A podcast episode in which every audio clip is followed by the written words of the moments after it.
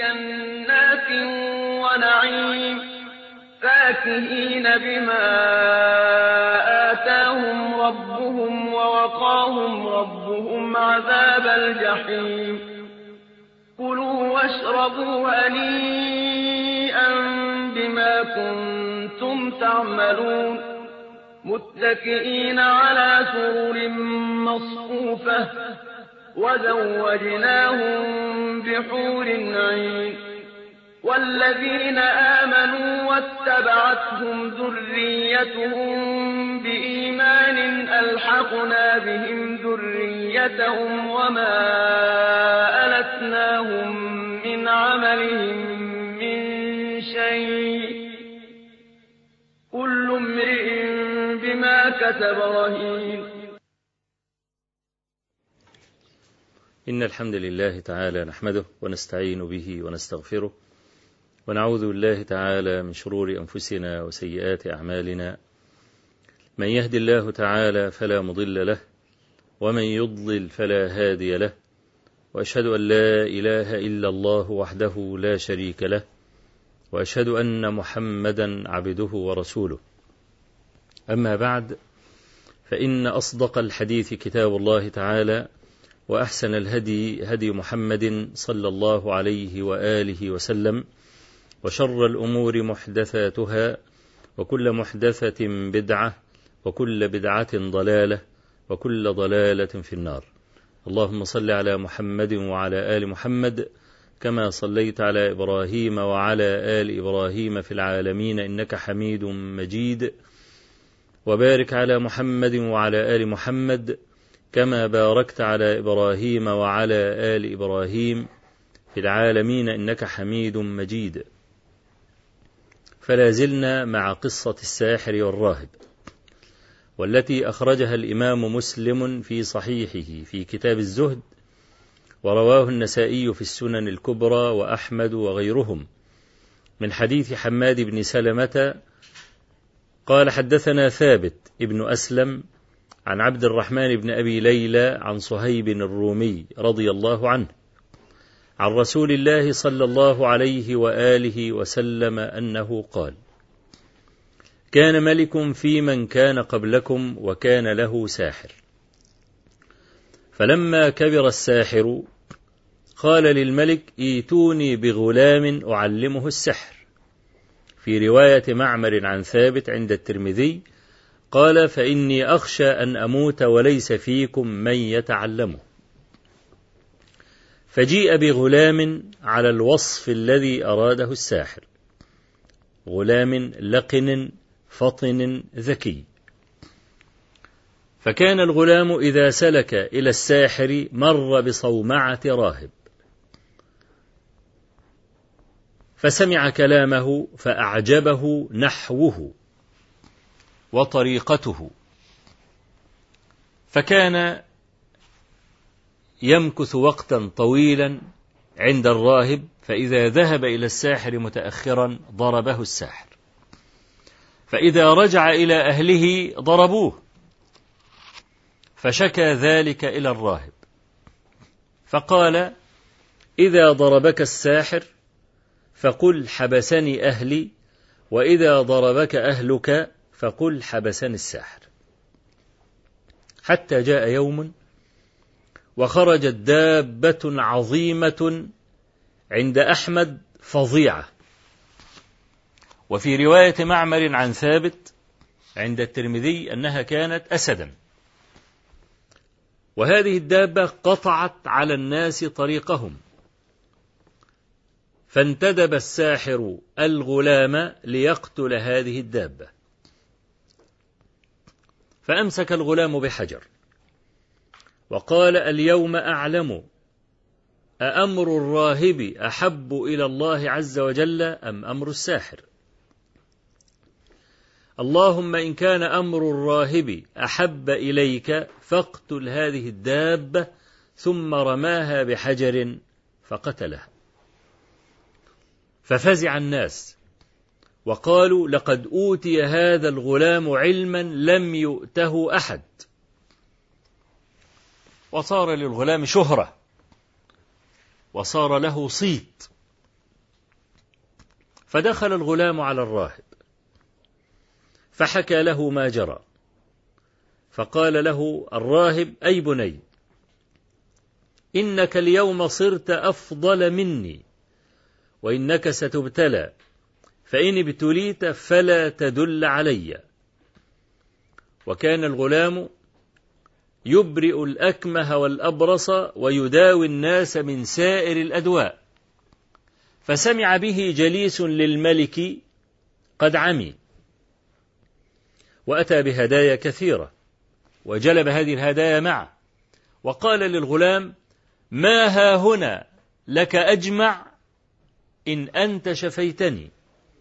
أي كل الذي جلبته لك من الهدايا ملك لك شريطة أن تشفيني. فقال له الغلام إني لا أشفي أحدا ولكن يشفي الله تعالى. فإن آمنت بالله دعوت الله فشفاك. فآمن جليس الملك فرد الله عز وجل عليه بصره.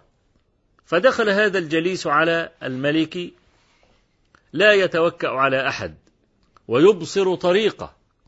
فلما رآه كذلك قال من رد عليك بصرك؟ فقال له ربي. قال أولك رب غيري؟ قال الله ربي وربك. فلا زال يعذبه حتى دل على الغلام. جيء بالغلام. فقال له الملك أي بني؟ تبرئ الأكمه والأبرص أو قد بلغ من سحرك ما أرى. تبرئ الأكمه والأبرص وتداوي الناس من سائر الأدواء.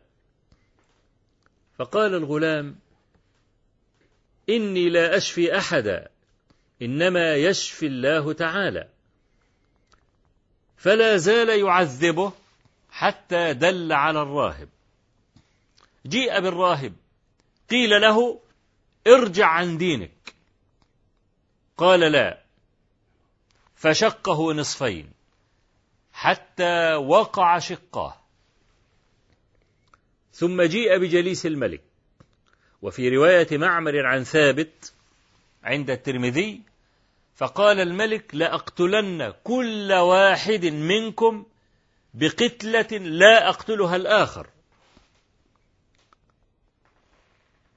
فشق الراهب نصفين. شق جليس الملك نصفين. وطبعا آه، رواية معمر فيها أنه سيقتل جليس الملك قتلة لا يقتله لا, لا, لا, لا لم يقتلها الراهب. ورواية حماد بن سلمة فيها أن كلاهما شق نصفين. فده محمول على أنه عذب جليسه تعذيبا شديدا ثم شقه. هذا هو الجمع بين الروايتين. أنه عذبه بعذاب آخر. وكان سببا في قتله ثم أضاف إلى هذا التعذيب أنه شقه حتى سقط شقاه. ثم جيء بالغلام فأمر الملك نفرا من أصحابه أن يأخذوه.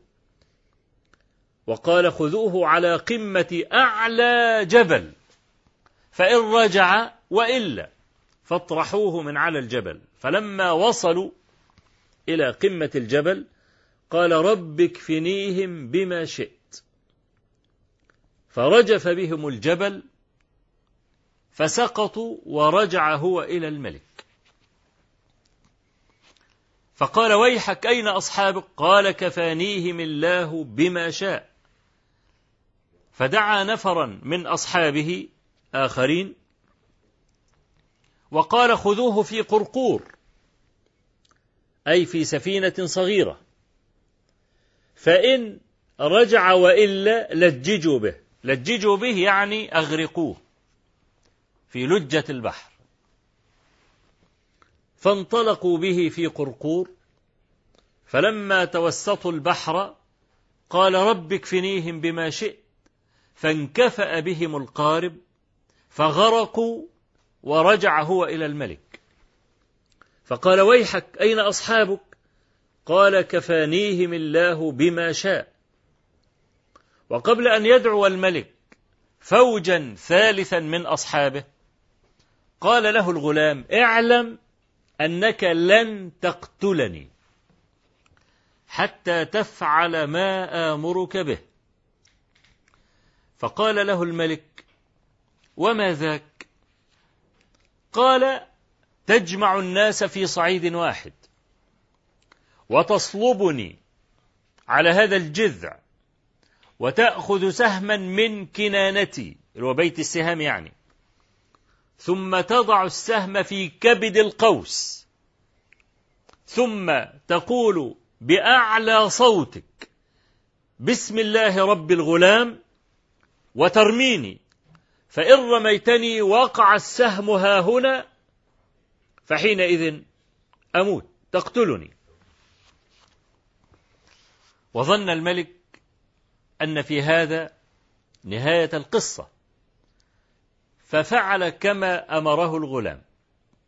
جمع الناس في صعيد واحد صلبه على جذع نخلة أو شجرة ووضع السهم في كبد القوس وصاح بأعلى صوته بسم الله رب الغلام وقذف السهم فوقع السهم حيث أشار الغلام في صدغه فمالت رأسه ومات الغلام. فقال الناس جميعا آمنا بالله رب الغلام. في رواية معمر عن ثابت قالوا له أأزعجك أن آمن ثلاثة فقد آمن العالم كلهم. في رواية حماد لما قال الناس آمنا بالله رب الغلام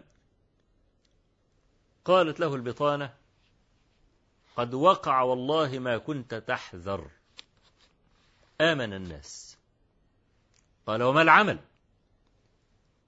قيل له خد الأخاديد على أفواه السكك. احفر الأخاديد والآبار العظيمة على أفواه السكك المؤدية إلى المدينة بحيث لا يستطيع أحد أن يهرب. يعني المدينة إذا كان لها ثلاث طرق أو أربعة أو خمسة على كل طريق أخدود. وأضرم فيها النيران. ثم يعرض الناس جميعا على هذه الأخاديد. فمن آمن بالله رب الغلام قذفه فيها. ومن لا يرجع. وفعلا بدأ يعرض الناس وإذا الناس يتقذفون فيها. يعني آمنوا بالله رب الغلام ورضوا أن يحرقوا ولا يكفرون بالله.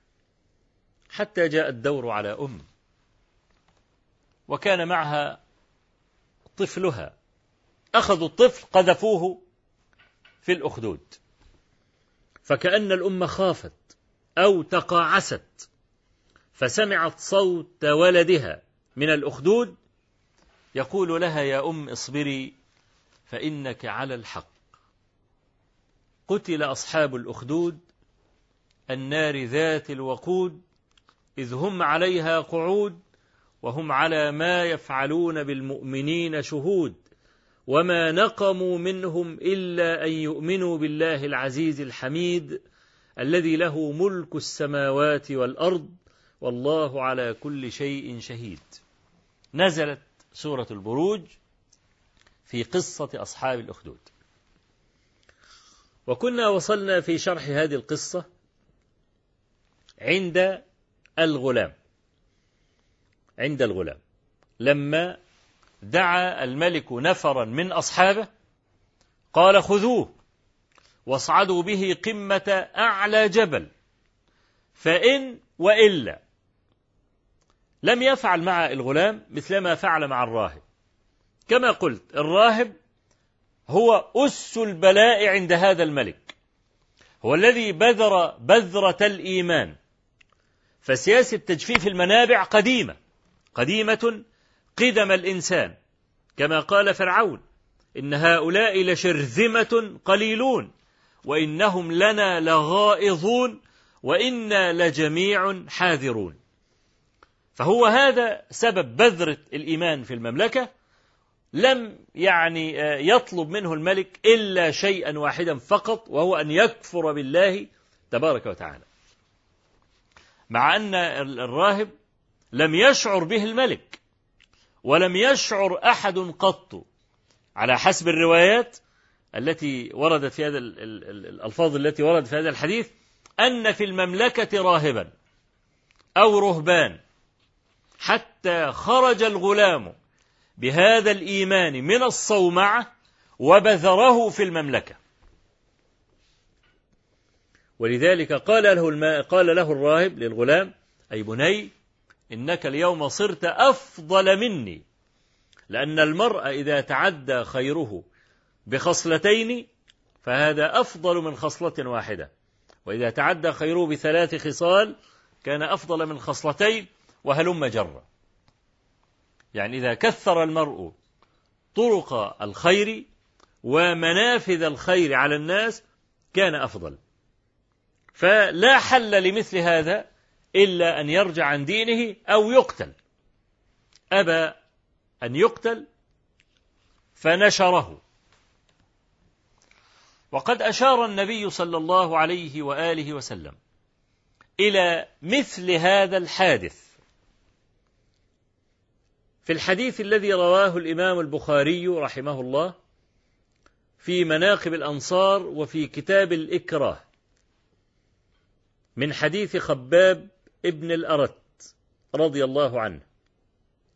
قال جئنا رسول الله صلى الله عليه وسلم وكان متكئا في ظل الكعبة متوسدا بردة له وقد أصابنا من المشركين شدة. فقلنا يا رسول الله ألا تستنصر لنا؟ أي ألا تدعو الله عز وجل أن ينصرنا؟ قال فاحمر وجهه غضبا. وقال لقد كان يؤتى الرجل من قبلكم فيمشط بأمشاط الحديد فيشق بالمنشار ولا يرجع عن دينه. ويمشط بأمشاط الحديد ما بين لحمه وعظمه. ولا يرجع عن دينه أو لا يصده ذلك عن دينه. ولا يتمن هذا الأمر حتى يمشي الراكب من صنعاء إلى حضر موت لا يخشى إلا الله والذئب على غنمه ولكنكم تستعجلون. فأشار النبي عليه الصلاة والسلام إلى عذاب المؤمنين من أتباع الأنبياء ممن سبقوا بعثته صلى الله عليه وسلم. وأنا يحضرني الآن بمناسبة أنه يعني يمشط ما بين عظمه ولحمه وينزع عصبه وهو حي. ما يرده ذلك عن دينه؟ تحضرني قصة ابن النابلسي رحمه الله اللي هو كانوا يسمونه الشهيد. وكان الدار قطني رحمه الله أبو الحسن. إذا ذكره بكى. إذا ذكره بكى. لأنه أفتى فتوى. هو إذا كان الرجل معه عشرة أسهم. فيرمي في الروم سهما واحدا ويرمي في هؤلاء الباطنيين تسعة أسهم. الذين غيروا الملة. الفتوى دي وصلت إلى رأس البلد. فجيء به. فقالوا له ما ما ما شيء بلغنا أنك تفتي به. إذا كان مع الرجل عشرة أسهم يرمي في الرومان سهما واحدا ويرمي فينا تسعة. فقال ما قلت ذلك؟ بل قلت إذا كان معه عشرة أسهم يرمي فيكم تسعة ويرمي العاشر فيكم أيضا. فإنكم بدلتم الدين وغيرتم الملة. فسلخوه وهو حي. سلخوا ابن النابلسي وهو حي وتلك قصة صحيحة. والذي سلخه رجل يهودي وبدأ سلخه من رأسه فلم يسمعوا منه إلا التسبيح وكان يقول كان ذلك في الكتاب مسطورا حتى بلغ السلخ إلى منتصف صدره فرحمه هذا اليهودي فطعنه في قلبه فقتله. ولم يجزع ولم يعني يداهن وهذا تفضل من الرب الجليل على عبده.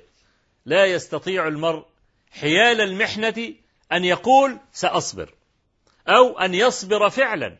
فإن القلوب ينفسخ عزمها عند المحن والثابت من ثبته الله عز وجل والصابر من صبره الله تبارك وتعالى. كما قال صلى الله عليه وسلم ومن تصبر يصبره الله. فهذه الشدة وهذا الإرهاق شيء ملازم دائما للأنبياء ولأتباع الأنبياء. قلت قبل ذلك وأذكر به الآن لأن هذا المعنى نحتاج أن نذكره كثيرا حتى يتصوره حتى يتصوره مستمعه. اختار الله عز وجل البلاء لأوليائه. ليس لأنهم هينون عليه. كلا. روى الإمام مسلم من حديث عياض بن حمار المجاشعي رضي الله عنه عن رسول الله صلى الله عليه وآله وسلم. قال إن الله عز وجل نظر إلى أهل الأرض فمقتهم عربهم وعجمهم إلا بقايا من أهل الكتاب. أي الذين ظلوا على الدين وثبتوا عليه ولم يحرفوه. فالمؤمن يزن كثيرا جدا. فليس بهين على الله تعالى. طب لماذا اختار البلاء وأناطه به؟ كما قال صلى الله عليه وسلم والحديث في الصحيحين أشد الناس بلاء الأنبياء ثم الصالحون ثم الأمثل فالأمثل يبتلى المرء على قدر دينه. وفي رواية فإن كان في دينه متانة زيد له في البلاء حتى يلقى الله عز وجل أو حتى يمشي على الأرض وما عليه خطيئة. جعل الله عز وجل البلاء منوطا بالإيه؟ بأهل الإيمان. لماذا؟ لأن القلب يقوى بالبلاء ويضعف بالاسترخاء. كل ما تريحه يتعب. القلب واخد على الشقة. القلب إذا وضع في العواصف وضع في المحن يقوى ويثبت. والعبد يوم القيامة يوزن بقلبه. ويوم القيامة هو يوم الفلاح أو يوم الخسارة. هو يوم التغابن وفيه غبن كثير لكثير من البشر. فيوزن العبد بقلبه فيأتي أهل الإيمان بقلوب سليمة. فيكون من عاقبة ذلك أن يكافئهم الله عز وجل بجنات النعيم. وهذه الدنيا متاع الغرور وهي قصيرة ستون عاما أو أكثر. أكثر إنسان أو أطول الناس عمرا فيما أعلم لم يصل إلى مئة وستين عاما. المعمر الذي قرأت حكايته من سنتين أو ثلاثة كان سنه 130 سنة. وقالوا أن هذا أطول الناس عمرا على الكرة الأرضية فيما يعلمون طبعا. الآن. فمئة وثلاثون عاما أو مئة وخمسون عاما يعيشها المرء في كبد وفي مشقة وفي ملاحات وفي فتن وأمراض يعني لا يهنأ بنعيمها. إنما النعيم الدائم هو الذي لا يفنى. إن هذا لرزقنا ما له من نفاد. يبقى الإنسان إذا وافى ربه عز وجل يوم القيامة بقلب سليم فهذا هو الغنيمة الباردة. لأجل هذا كان البلاء يعني مصاحبا لأهل الديانة. وزادوا على أهل الدنيا الذين لا ينفك عنهم بلاء بأنهم نالوا رضا الله سبحانه وتعالى في الآخرة. يبقى إذن مسألة البلاء دي هذه مسألة يعني دائمة. وكما قلت الإنسان إذا كان ماضيا في طريق الله تبارك وتعالى لا بد أن يوجد هناك من يناوشه. آه الغلام كما قلت الملك ملك ضحى بالراهب لأنه ليس له قيمة. ضحى بجليسه وصاحبه وصديقه لأنه ملوش قيمة برضه. بقي الغلام الذي له قيمة. بعد ما ظهر منه كل هذا يستطيع أن يجمع الناس بمثل هذا الغلام. لو ظهر حريق ما أقصد لا أقصد بحريق النار المشتعلة لو ظهر أي شيء في المملكة يستطيع الملك بهذا الغلام أن هو يطفئ هذه الفتنة. فالملك فعلا يحتاج إلى الغلام. ولذلك لم يبادر إلى إعدامه ولم يبادر إلى قتله كما فعل في الرجلين الأولين. إنما بدأت التهديد والمساومات. المساومات إلى آخر لحظة. يعني دعا نفر من أصحابه خذوه على قمة أعلى جبل. فإن وإلا الرجع عن دينه خلاص هاتوه رجعوه يبقى خلاص ياخد المناصب بتاعته ونعطيه زيادة. وإن أبى اطرحوه من على الجبل. أخذوه مسلسلا مقيدا لا يملك من أمر نفسه شيئا. لا يستطيع حيلة ولا يبتغي سبيلا. صعدوا به الجبل.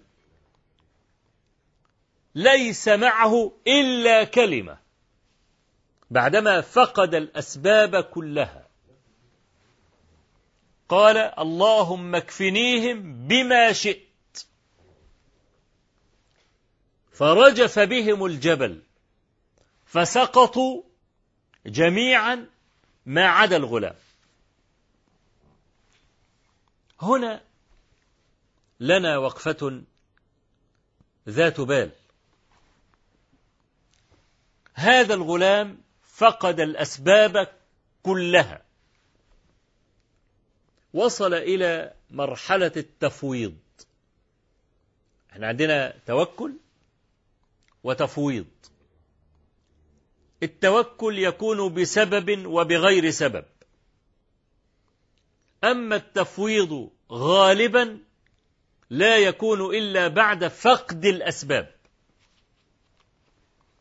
ولذلك في دعاء النوم حديث البراء بن عازب وفي الصحيحين علمنا النبي صلى الله عليه وآله وسلم أن الواحد منا إذا وضع جنبه على فراشه فيقول اللهم وجهت وجهي إليك وألجأت ظهري إليك وفوضت أمري إليك رغبة ورهبة إليك. آمنت بكتابك الذي أنزلت وبنبيك الذي أرسلت. شوف الدعاء. تستطعمه؟ ترى تحته معان جليلة. والأذكار الموظفة يا جماعة تحتاج إلى فهم وفقه. إذا فهمت الأذكار الموظفة صح تزداد محبة. الإنسان وهو مستيقظ ذاكر هناخد شريحة من بني آدم. الشريحة دي عبارة عن إنسان ذاكر وليس بغافل. هذا الذاكر وهو حي صاحي يعني يذكر الله عز وجل دائما فالشيطان لا يقترب منه. لأن الذكر مع الذكر يخنس الشيطان. كما قال صلى الله عليه وسلم في الحديث حديث اللي هو فيه وصايا يحيى ابن زكريا عليهما السلام. من ضمن الوصايا الخمس ديت بتاع يحيى بن زكريا إن الله أمرني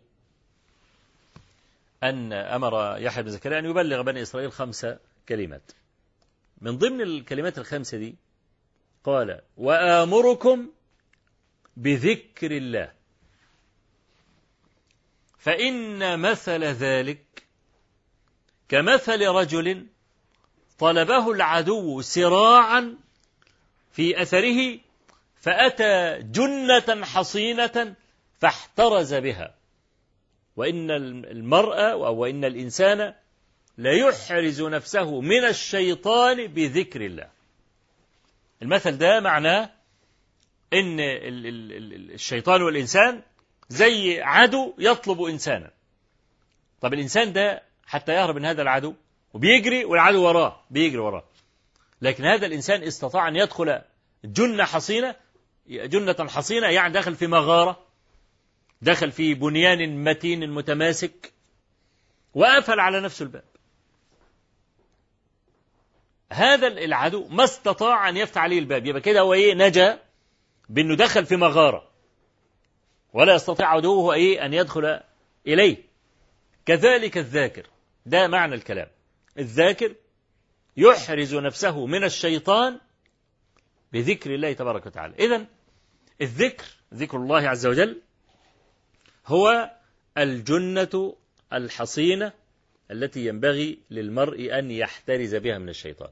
طيب ده إنسان ذاكر طول ما هو صاحي يذكر الله عز وجل أو مستفيد. طب إذا نام؟ إذا نام ألقى سلاحه. خلاص سيكف لسانه عن الذكر. فممكن الشيطان يغتال الإنسان وهو نائم. فالمفترض بقى الإنسان الواعي الصاحي. المفترض قبل ما ينام يعمل حرس عليه. ليه؟ لأنه هينام سيلقي سلاحه. طب الحرس دول عبارة عن إيه؟ شوف بقى الحديث. النبي عليه الصلاة والسلام يقول إذا أتيت مضجعك نم على جنبك الأيمن ضع يدك اليمنى تحت خدك الأيمن ثم قل اللهم وجهت وجهي إليك وألجأت ظهري إليك. والإنسان بيطعن من الخلف. يبقى هنا دعا ربه عز وجل أنه يحمله ظهره. ليه؟ لأنه نام وألقى سلاحه. وألجأت ظهري إليك. وفوضت أمري إليك. فوض يعني فقد الأسباب كلها لأنه نائم. فقد الأسباب كلها. يكون من عاقبة ذلك. إذا ذكر المرء ربه زي مثلا حديث أو آية الكرسي والحديث في البخاري. آية الكرسي الشيطان قال لأبي هريرة إذا أويت إلى فراشك فاقرأ آية الكرسي فإنك إذا قرأتها لم يزل عليك من الله حارس حتى تصبح. يبقى أنت لما بتقرأ آية كرسي يقف حارس عليك ممتشق سلاحه الشيطان ما يعرفش يقرب شاهدي أو الذي جعلني أتكلم بهذا الكلام لأوضح المعنى فوضت أمري إليك. التفويض إذن يكون عادة مع فقد الأسباب كلها.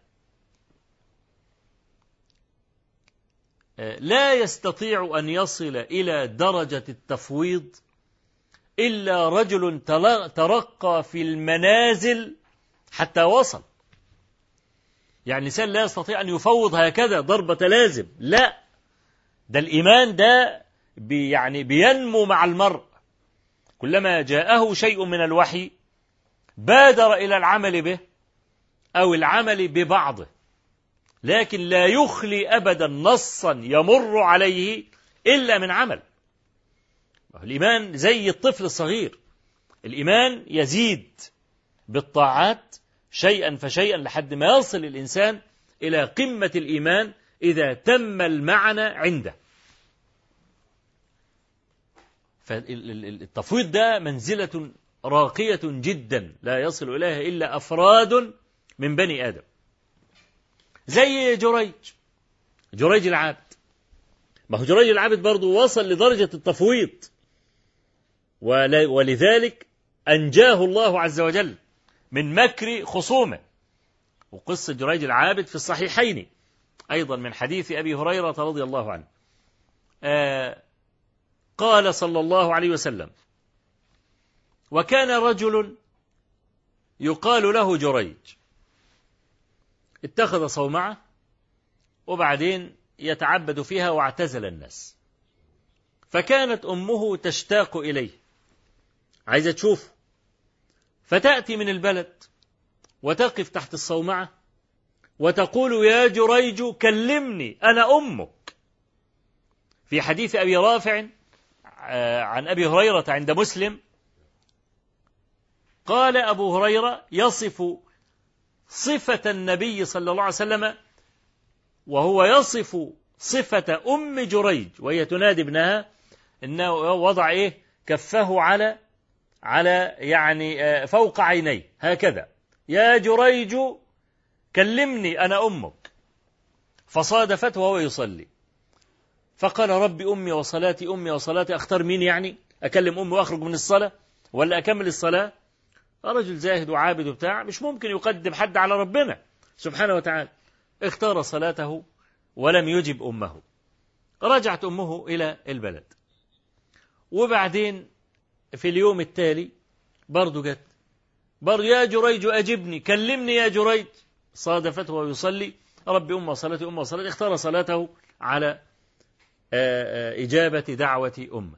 في اليوم الثالث جاءت أمه يا جريج كلمني يا جريج أجبني. صادفته ويصلي أمي وصلاتي أمي وصلاتي اختار صلاته. فدعت عليه ألا يموت حتى يرى وجوه المومسات اللي هم البغايا اللاتي يتاجرن بأعراضهن. وفي الرواية الثانية حتى يرى وجوه المياميس. في رواية أبي رافع عن أبي هريرة قال صلى الله عليه وسلم ولو دعت عليه أن يفتتن لفتن. آه بنو إسرائيل يعني قعدوا يتذاكروا عبادة جريج. قاعدين في منتداته يا أخي ما أصبره. الراجل ده قاعد وحابس نفسه الكلام ده. فامرأة بغي سمعتهم بيتكلموا وإن جريج ده حاجة فوق قوي وما فيش حد يقدر يوصل له قالت لو شئتم لأفتننه لكم. قالوا قد شئنا. ونشوف بقى ماذا فعلت المرأة في جريج وكيف يعني أنجى الله عز وجل جريجا وذلك بعد فاصل قصير. ونعود إليكم بإذن الله تبارك وتعالى. والسلام عليكم ورحمة الله وبركاته.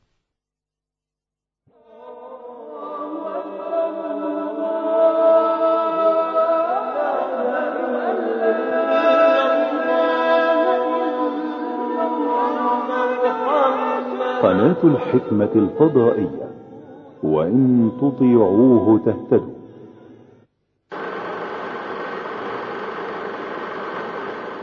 الحكمة. زود عن سنة النبي صلى الله عليه وسلم. من أحسن الأسماء وأعلق الأسماء. هي فعل ما ينبغي. بما يجلب المصلحة ويدفع المفسدة في الوقت الذي ينبغي على الوجه الذي ينبغي. يشترط لها الإخلاص. وهذا هو الذي اخترنا من أجله هذا الشعار. وإن تطيعوه تهتدوا. صلى الله عليه وسلم. شعار موفق هنيئا لكم به. بل هنيئا لي به. وهذه القناة إن شاء الله سيشع منها النور. لا يسمع الطفل المسلم من قناة الحكمة إلا ما يكون صحيحا بإذن الله عز وجل. القناة مظلة تظلل راية المسلمين جميعا. أنا أهنئ لا أهنئ المسلمين فحسب بل أهنئ العالم كله يعني محلي ودولي الحمد لله على نعمة الإسلام الحمد لله. وكفى بها من نعم. نحن المسلمين أولى بهذا كله. ولقد آتينا لقمان الحكمة أن اشكر لله. فالحكمة ضالة المؤمن أن وجدها فهو أحق بها. ينبغي أن ندعو بالحكمة وأن ندعو إلى الحكمة أيضا. وينبغي أن تكون الحياة كلها محراب عبادة لله عز وجل. نسأل الله أن نكون ممن يبسطون الحق. أنا منكم وأنتم مني. أنا أحبكم في الله. هذا كلام نهائي.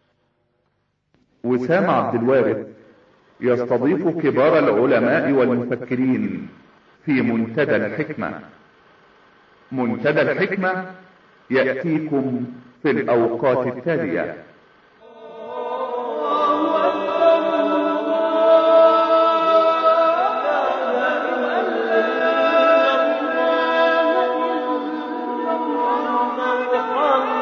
قناة الحكمة الفضائية. وإن تطيعوه تهتدوا.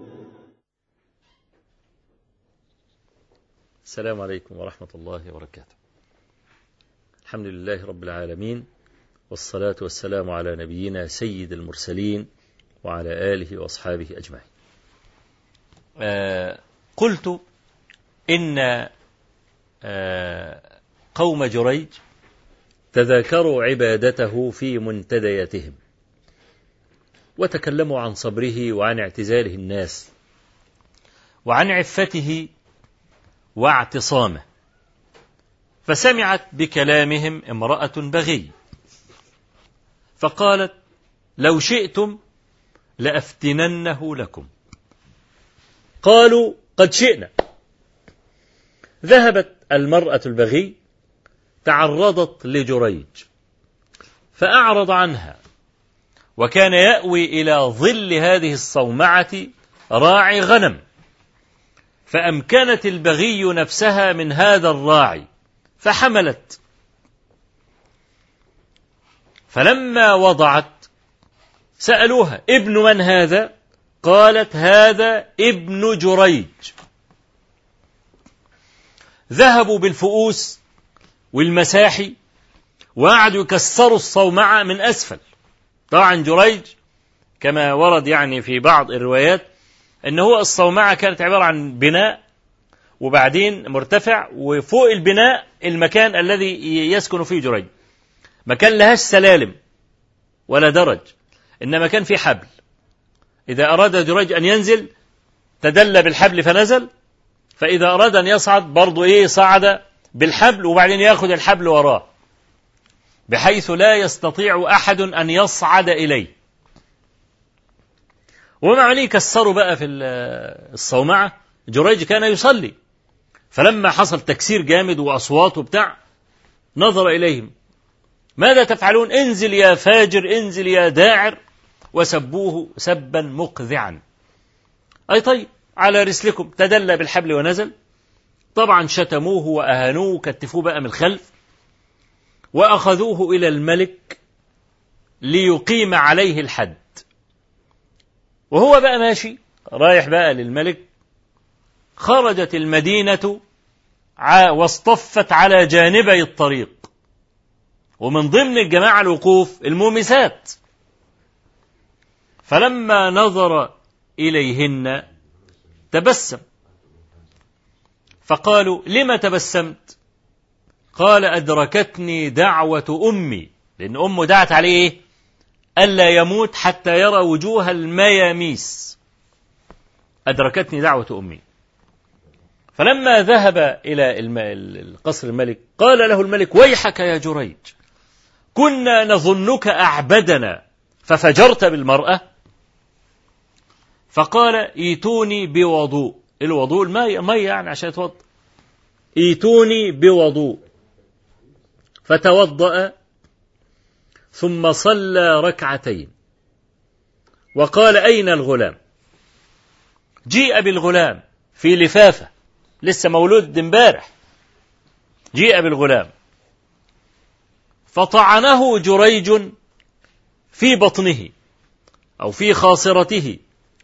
وقال له يا غلام من أبوك؟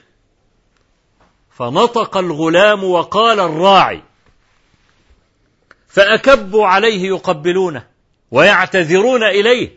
وقالوا له نبني لك صومعتك لبنة من ذهب ولبنة من فضة. فقال لا أعيدوها طينا كما كانت. قل لي بالله عليك لو أن رجلا جاء إلى جدار وطعن فيه بأصبعه وقال يا جدار من بناك؟ لقال الناس جن. أفي العادة أن ينطق ابن ليلة أو أن ينطق ابن شهر؟ أجرى هذا في العادة؟ أرأى ذلك جريج حتى يفعل مثل ما رآه يعني حصلت في الدنيا دي مرة وجريج رأى هذا الذي جرى عشان يقلده؟ لا. فقد جريج دليل براءته. ليس معه دليل براءة. فلجأ إلى الركن الشديد الذي لجأ إليه لوط عليه السلام. لو كان لي بكم قوة أو آوي إلى ركن شديد. قال النبي صلى الله عليه وسلم معلقا على هذا يرحم الله أخي لوطا. قد كان يأوي إلى ركن شديد. ألا وهو رب العالمين. تبارك وتعالى. يبقى جريج فقد الأسباب كلها. فوض. وفعل شيئا لم تجري العادة, العادة به.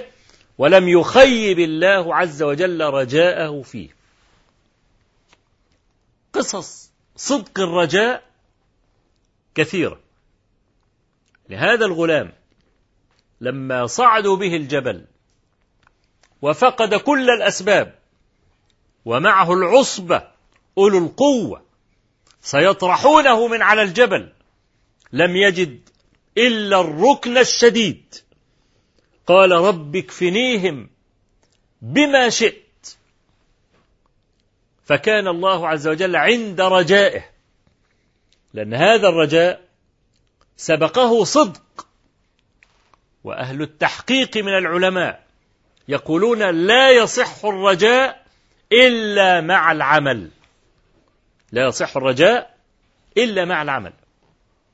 يعني أتذكر الآن قصة أخرى وهي في صحيح البخاري. رواها الإمام البخاري في عدة مواضع من صحيح. من حديث أبي هريرة رضي الله عنه. قال قال رسول الله صلى الله عليه وسلم تسلف رجل من رجل ألف دينار. فقال صاحب المال للذي يريد أن يأخذ المال قرضا ائتني بشهيد. يعني يشهد أنك أخذت مني مالا يعني ضامن يعني. فقال له الرجل كفى بالله شهيدا. قال ائتني بكفيل. قال كفى بالله كفيلا. قال له صدقت. وأعطاه الألف دينار. الرجل أخذ الألف دينار انطلق يتاجر بها في البحر. وبعدين اتفق الرجلان على موعد للوفاء بقضاء الدين. في الموعد المعلوم وكان بين الدائن والمدين بحر. لا يستطيع أن يصل المدين إلى الدائن إلا إذا ركب مركبا. في هذا اليوم هبت ريح عاصف. توقفت حركة الملاحة السفن مفيش سفن. الرجل صاحب المال والدائن على الشاطئ الآخر ينتظر على حسب الموعد. الرجل المدين على الشاطئ المقابل معاه الفلوس معاه المال ولكن لا يجد مركبا. انتظر طويلا. برضه لسه الريح العاصفة ولسه حركة الإيه؟ الملاحة متوقفة. فالرجل المدين فقد الأسباب كلها. ليس هناك سبب يستطيع من خلاله أن يوصل هذا المال إلى صاحبه في الموعد المعلوم حتى لا يخلف. طرأت على ذهنه فكرة. الفكرة دي أنه أتى بخشبة نقرها مع كان معاه شاكوش أو قدوم آه نقرها وبعدين كتب كتابا منه إلى صاحبه قال له أما بعد فإني عجزت أن أجد مركبا وهذا مالك. لف الفلوس كويس حطها في النقرة اللي عملها دي ثم زجج عليها مسمر جاب خشبة ومسمر على الإيه؟ على السرة دي وبعدين نظر إلى السماء وقال رب جعلتك كفيلا ووكيلا. فأوصل هذا الدين إلى صاحبه ورمى بالخشبة في البحر. طبعا دي مش أسباب لأن إيه خشبة يعني؟ في وسط أمواج عاتية تبلعها الأمواج.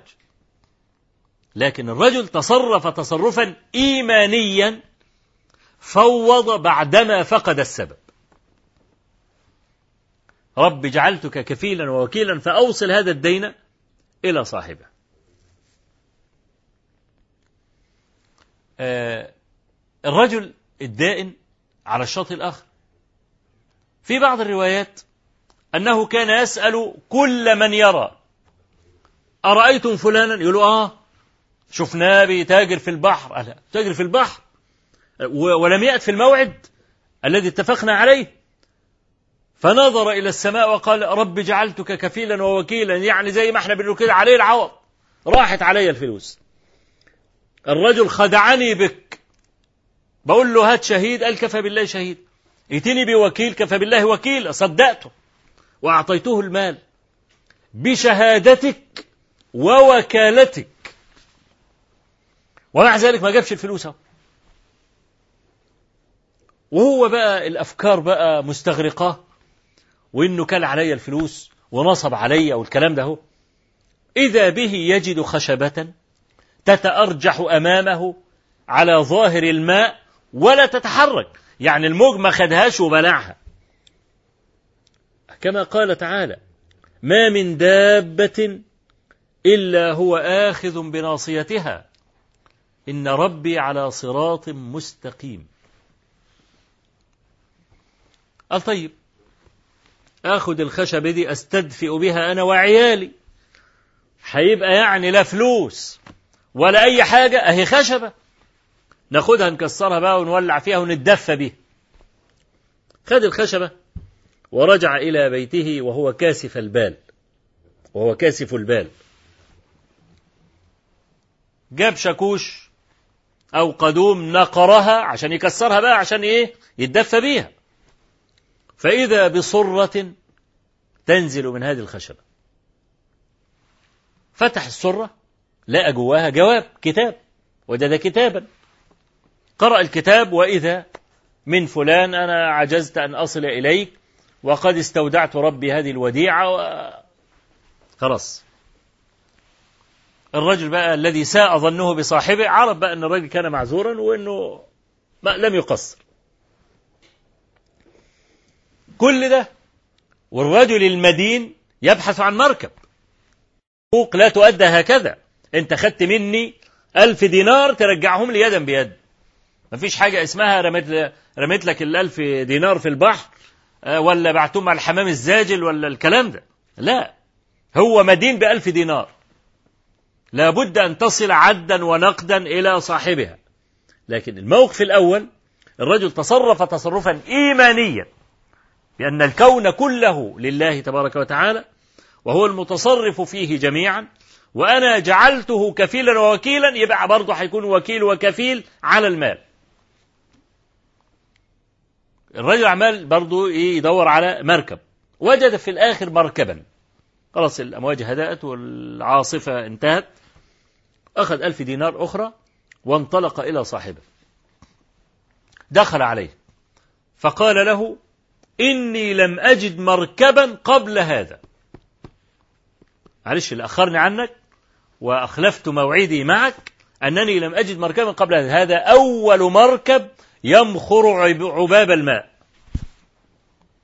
وما جابلوش سيرة مطلقا عن الألف دينار التي رماها في البحر.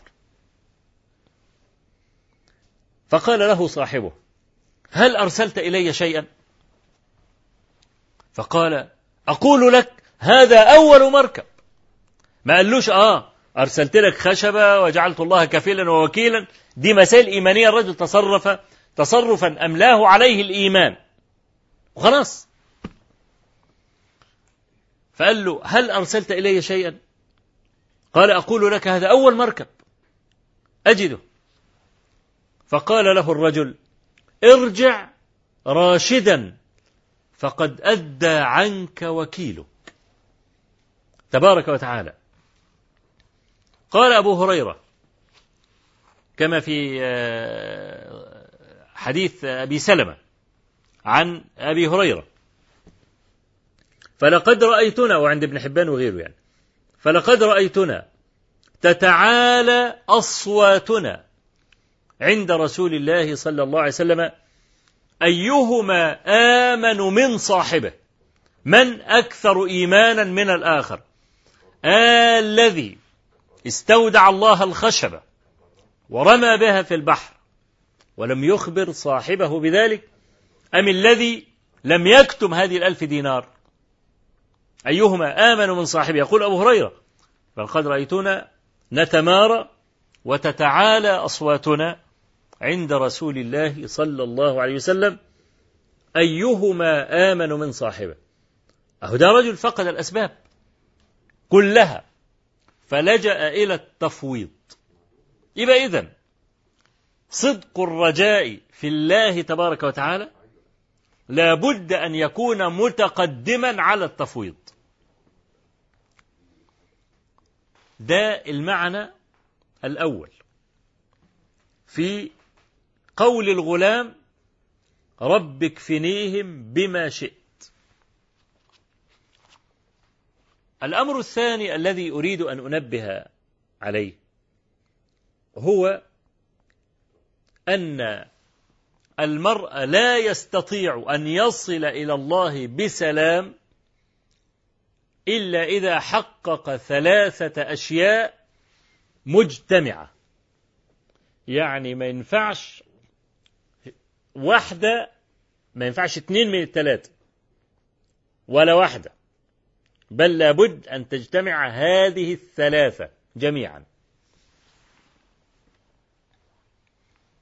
وقد وردت هذه الثلاثة في قوله تعالى قل ادعوا الذين زعمتم من دونه فلا يملكون كشف الضر عنكم ولا تحويلا. أولئك الذين يدعون يبتغون إلى ربهم الوسيلة. أيهم أقرب؟ ويرجون رحمته ويخافون عذابه. إن عذاب ربك كان محظورا. دي المقامات الثلاثة مقامات أهل الإيمان. يقول الله تبارك وتعالى أولئك أي الذين تعبدونهم من دوني. أولئك الذين تعبدونهم من دوني.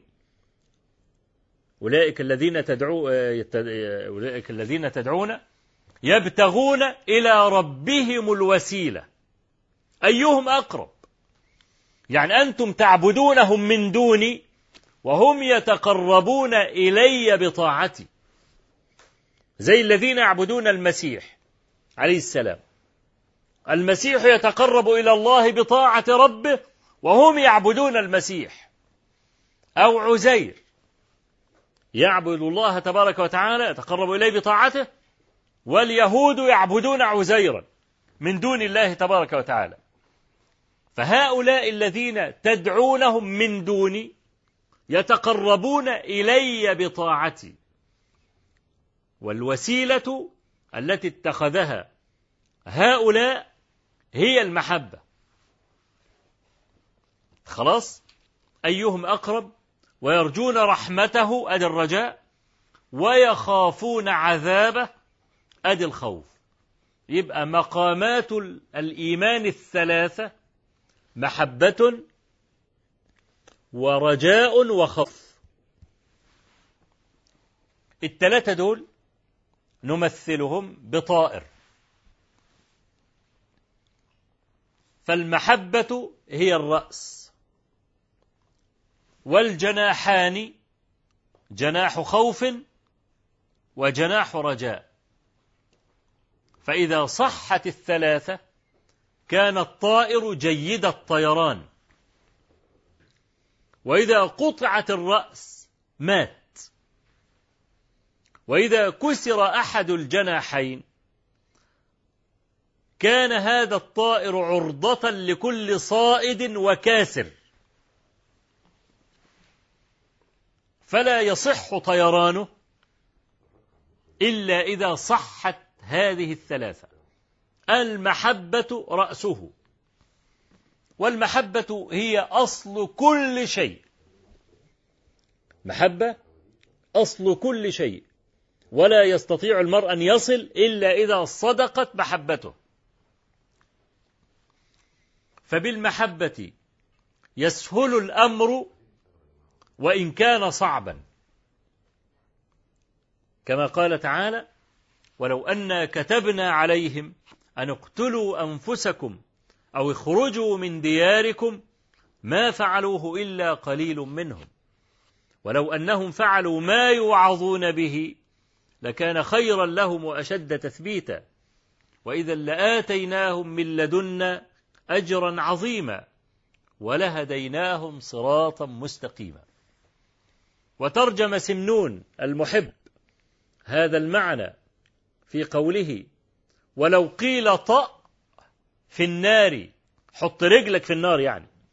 ولو قيل طأ في النار أعلم أنه رضا لك أو مدن لنا من وصالك لقدمت رجلي نحوها فوطئتها سرورا لأني قد خطرت ببالك.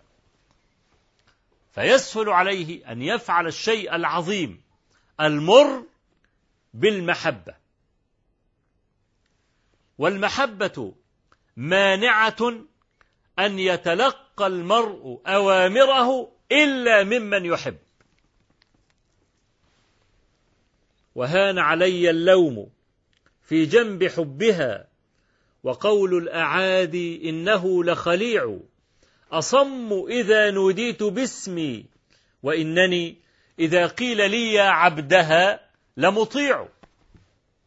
أصم إذا نوديت باسمي يعني إذا تعارض حظ نفسي مع الأمر لا أصغي لحظ نفسي. أصم إذا نوديت باسمي ولكن إذا قيل لي يا عبدها أسمع. إذا قيل لي يا عبد الله أسمع. يبقى إذا تعارض حظ النفس مع الأمر فأهل المحبة يقدمون الأمر على حظ النفس. فإذا فعل ذلك ولا يزال يترقى ذاق. وليس من ذاق وعايا كمن سمع. ولا يصل المرء إلى درجة الذوق إلا إذا كان عاملا بالنصوص. كما أقول درب نفسك دائما. أحيانا الإنسان مثلا يقرأ في تراجم بعض الصحابة أو التابعين أو تابع التابعين حكايات مبهرة. يحاول يقلد يعني يقول لك أنا خلاص النهاردة هعمل زي فلان. يحاول يعمل زي فلان وإذا به تنفسخ عزيمته. طب كي لماذا انفسخت العزيمة؟ أنا قرأت نعم سخنت لبست الدور خلاص قيام الليل ناوي أقوم النهاردة. أجي أقوم الليل ما فيش ركعتين أربع ركعات خلاص ظهرك بينشر عليك مش عارف تقف الكلام ده. وإذا أنت بتقرأ سيرة إمام كان يقرأ يصلي حتى الصبح. حاولت تنفذ زيه؟ انفسخ عزمك. ما هو الفرق؟ ما الذي صبر هذا وأنت لم تستطع الصبر؟ أن هذا جعل الدين حياة. تدين بالنصوص. والنصوص بحمد الله تبارك وتعالى تشمل كل حاجات العباد. لا توجد أبدا نازلة تنزل بالعبد إلا وفي كتاب الله جل ثناؤه وفي سنة النبي صلى الله عليه وسلم حل وحكم. علمه من علمه وجهله من جهله. فدول كان الدين عندهم زي النفس. كما يتنفس كان يتدين. إحنا بقى الدين عندنا مناسبات. الإنسان مهمل بيهمل جانب النصوص لا ينفذ النص إلا إذا احتاج النص. فلم يدرب على العمل. عشان كده بتبقى المسألة إيه؟ بتبقى المسألة ثقيلة على الإنسان. بخلاف ما إذا إيه؟ كما قلت تدين بفعل هذا. فالإنسان بقى إذا ذاق النصوص وعرفها يبقى عبادته مختلفة خالص. فإذا ذاق عرف.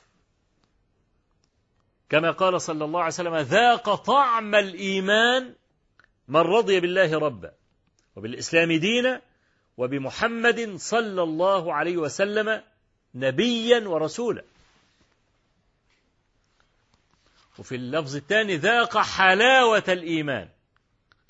يبقى الإيمان له حلاوة. لا يشعر بهذه الحلاوة إلا القلب. فإذا الإنسان بقى ترقى في درجة المحبة وصل إلى هذا الذوق استطعم بقى الحياة. الحياة بلا إيمان صفر لا قيمة لها مشقة وكبد. الحياة بلا إيمان.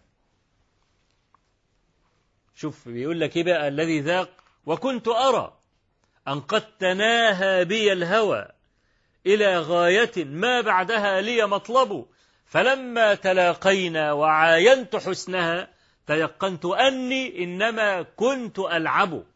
آه كنت عارف القصة دي بالوصف بس لكن لما تلاقينا وعاينت حسنها لما مارست النصوص وتذوقتها علمت أنني في المقام الأول كنت ألعب. كان علما نظريا. لم يكن علما عمليا. محبة المحبة يخف بها كل شيء. ولا يشعر المرء أبدا بضيق ولا ضنك مع المحبة. يبقى إحنا عايزين نصل بقى بسلام. ونصل إلى درجة التفويض. التي وصل إليها هذا الغلام الذي فقد الأسباب كلها. فقال رب اكفنيهم بما شئت. فكان الله عز وجل عند رجائه. يبقى عندنا المحبة. دي هي الأساس. ويرجون رحمته. ده الجناح بتاع الرجاء. ويخافون عذابه. ده جناح الخوف. أما الخوف فهو صوت مزعج صوت زي العصا. سنيضرب الخوف صوت مزعج له حرارة. لو ظل المرء على هذه الحرارة يأس وقنط. فيدخل الرجاء يبرد حرارة الخوف. عشان كده الذي يعبد الله بالرجاء تصيبه الغفلة والغرور ويدخل على التمني. ما هو الفرق بين الرجاء والتمني إيه؟ أن أهل العلم أجمعوا أن الرجاء لا يصح إلا بعمل. أما أهل الغرور والتمني فهم يتمنون الوصول إلى الدرجات العليا بغير عمل. وكما قال الحسن البصري رحمه الله وبعض الناس يجعله حديثا عن رسول الله صلى الله عليه وسلم وهو لا يصح باطل لا يجوز نسبته إلى النبي صلى الله عليه وسلم وهو ليس الإيمان بالتمني أو التحلي ولكن الإيمان ما وقر في القلب وصدقه العمل. وإن قوما خرجوا من الدنيا من الدنيا ولا حسنة لهم. يقولون نحسن الظن بالله وكذبوا لو أحسنوا الظن لأحسنوا العمل. يبقى إذن أنا عندي رجاء لا يكون إلا بعمل. غرور يتمنى ولا يعمل. إحنا الغرور ده خلاص هنركنه على جنب لأنه مش موضوعنا. موضوعنا الآن هو الرجاء. يبقى نعمل جملة كده نتحرك من خلالها. نقول كل خائف راج وكل راج طامع. خلاص الجملة دي؟ آه. كل خائف راج. وكل راج طامع. يبقى الرجاء عندنا الرجاء المحمود على منزلتين. على حسب التصنيفة تصنيفة العباد. العباد يصنفون طائع وعاصي. فالطائع يفعل الشيء يرجو ثواب ربه. والخائف يتوب إلى الله ويرجو قبول توبته. يبقى المحسن الطائع راج. والعاصي التائب راج. ومع كل واحد بضاعة. المحسن المطيع معه إحسانه وطاعته وهذا أقوى ما يتوسل به إلى الله تبارك وتعالى ألا وهي الطاعة أن يطيع الله عز وجل. التائب الذنب يلاحقه. برضو الذنب ده صوت مزعج لا يرى علة في عمله. عمل إيه؟ كل ما يعمل عمل يدخل الذنب قدامه فيتصور أنه سيهلك. إيه اللي بيخليه يشتغل؟ الرجاء. تعرف لو يأس لو يأس العبد ينفجر. لو, لو, لو كان الخوف فقط هو الذي يسيره دخل في مرحلة القنوط واليأس. ليه؟ لأن المرء إذا سمع مثلا قوله صلى الله عليه وآله وسلم. اعلموا أنه لن يدخل أحد منكم الجنة بعمله. قالوا ولا أنت يا رسول الله؟ قال ولا أنا إلا أن يتغمدني الله برحمته. من يا ترى يتصور في نفسه أن يكون أعبد من رسول الله صلى الله عليه وسلم. طبعا لا أحد ولا يحلم إنسان أن يصل إلى هذا المنزل أبدا. ومع ذلك يقول النبي عليه الصلاة والسلام إنه لن يدخل الجنة بعمله إنما يدخل برحمة الله. يبقى أنت بقى اغسل إيدك. لأن لسه بيسألني بعض الناس النهاردة إن هو يائس من كتر ما يعمل العمل لله وبعدين نفسه تقول له مش كفاية. يزيد في العمل يقول له هو انت عملت حاجة؟ حتى كاد أن يصل إلى مرحلة اليأس لأنه ما يقدرش يعمل أكتر من كده. ما هو ده برضه من تحبيط الشيطان. الشيطان بيلبس لكل إنسان لبوس. يصلي يقول له هي دي صلاة؟ هو أنت على الصلاة هتوصل بيها؟ لا ما أنتش واصل بيها طبعا.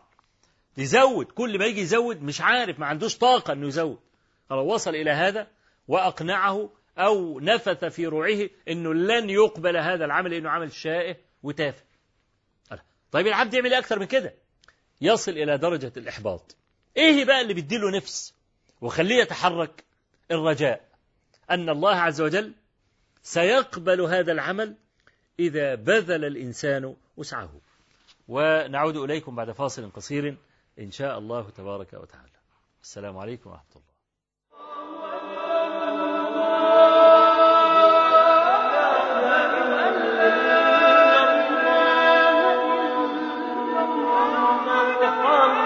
قناة الحكمة الفضائية. وإن تطيعوه تهتدوا. شهد الكلمات. أفر إليك منك وليس إلا. يفر إليك منك المستجير. أنا العبد المقر بكل ذنب وأنت الرب السيد الغفور. فإن عذبتني فبسوء فعلي وإن تعفو فأنت به جدير شهد الكلمات. آيات نتدبرها آيات نعرفها نقرأها نستفيد منها نتربى منها. إنها آيات كتاب ربنا جل جلاله. نغوص في بحارها نسعى وراء خفايا أسرارها. إنما يخشى الله من عباده العلماء. يا أيها الذين آمنوا لم تقولون ما لا تفعلون؟ كبر مقتا عند الله أن تقولوا ما لا تفعلون. شهد الكلمات لفضيلة الشيخ محمد بن بقنا الشهراني.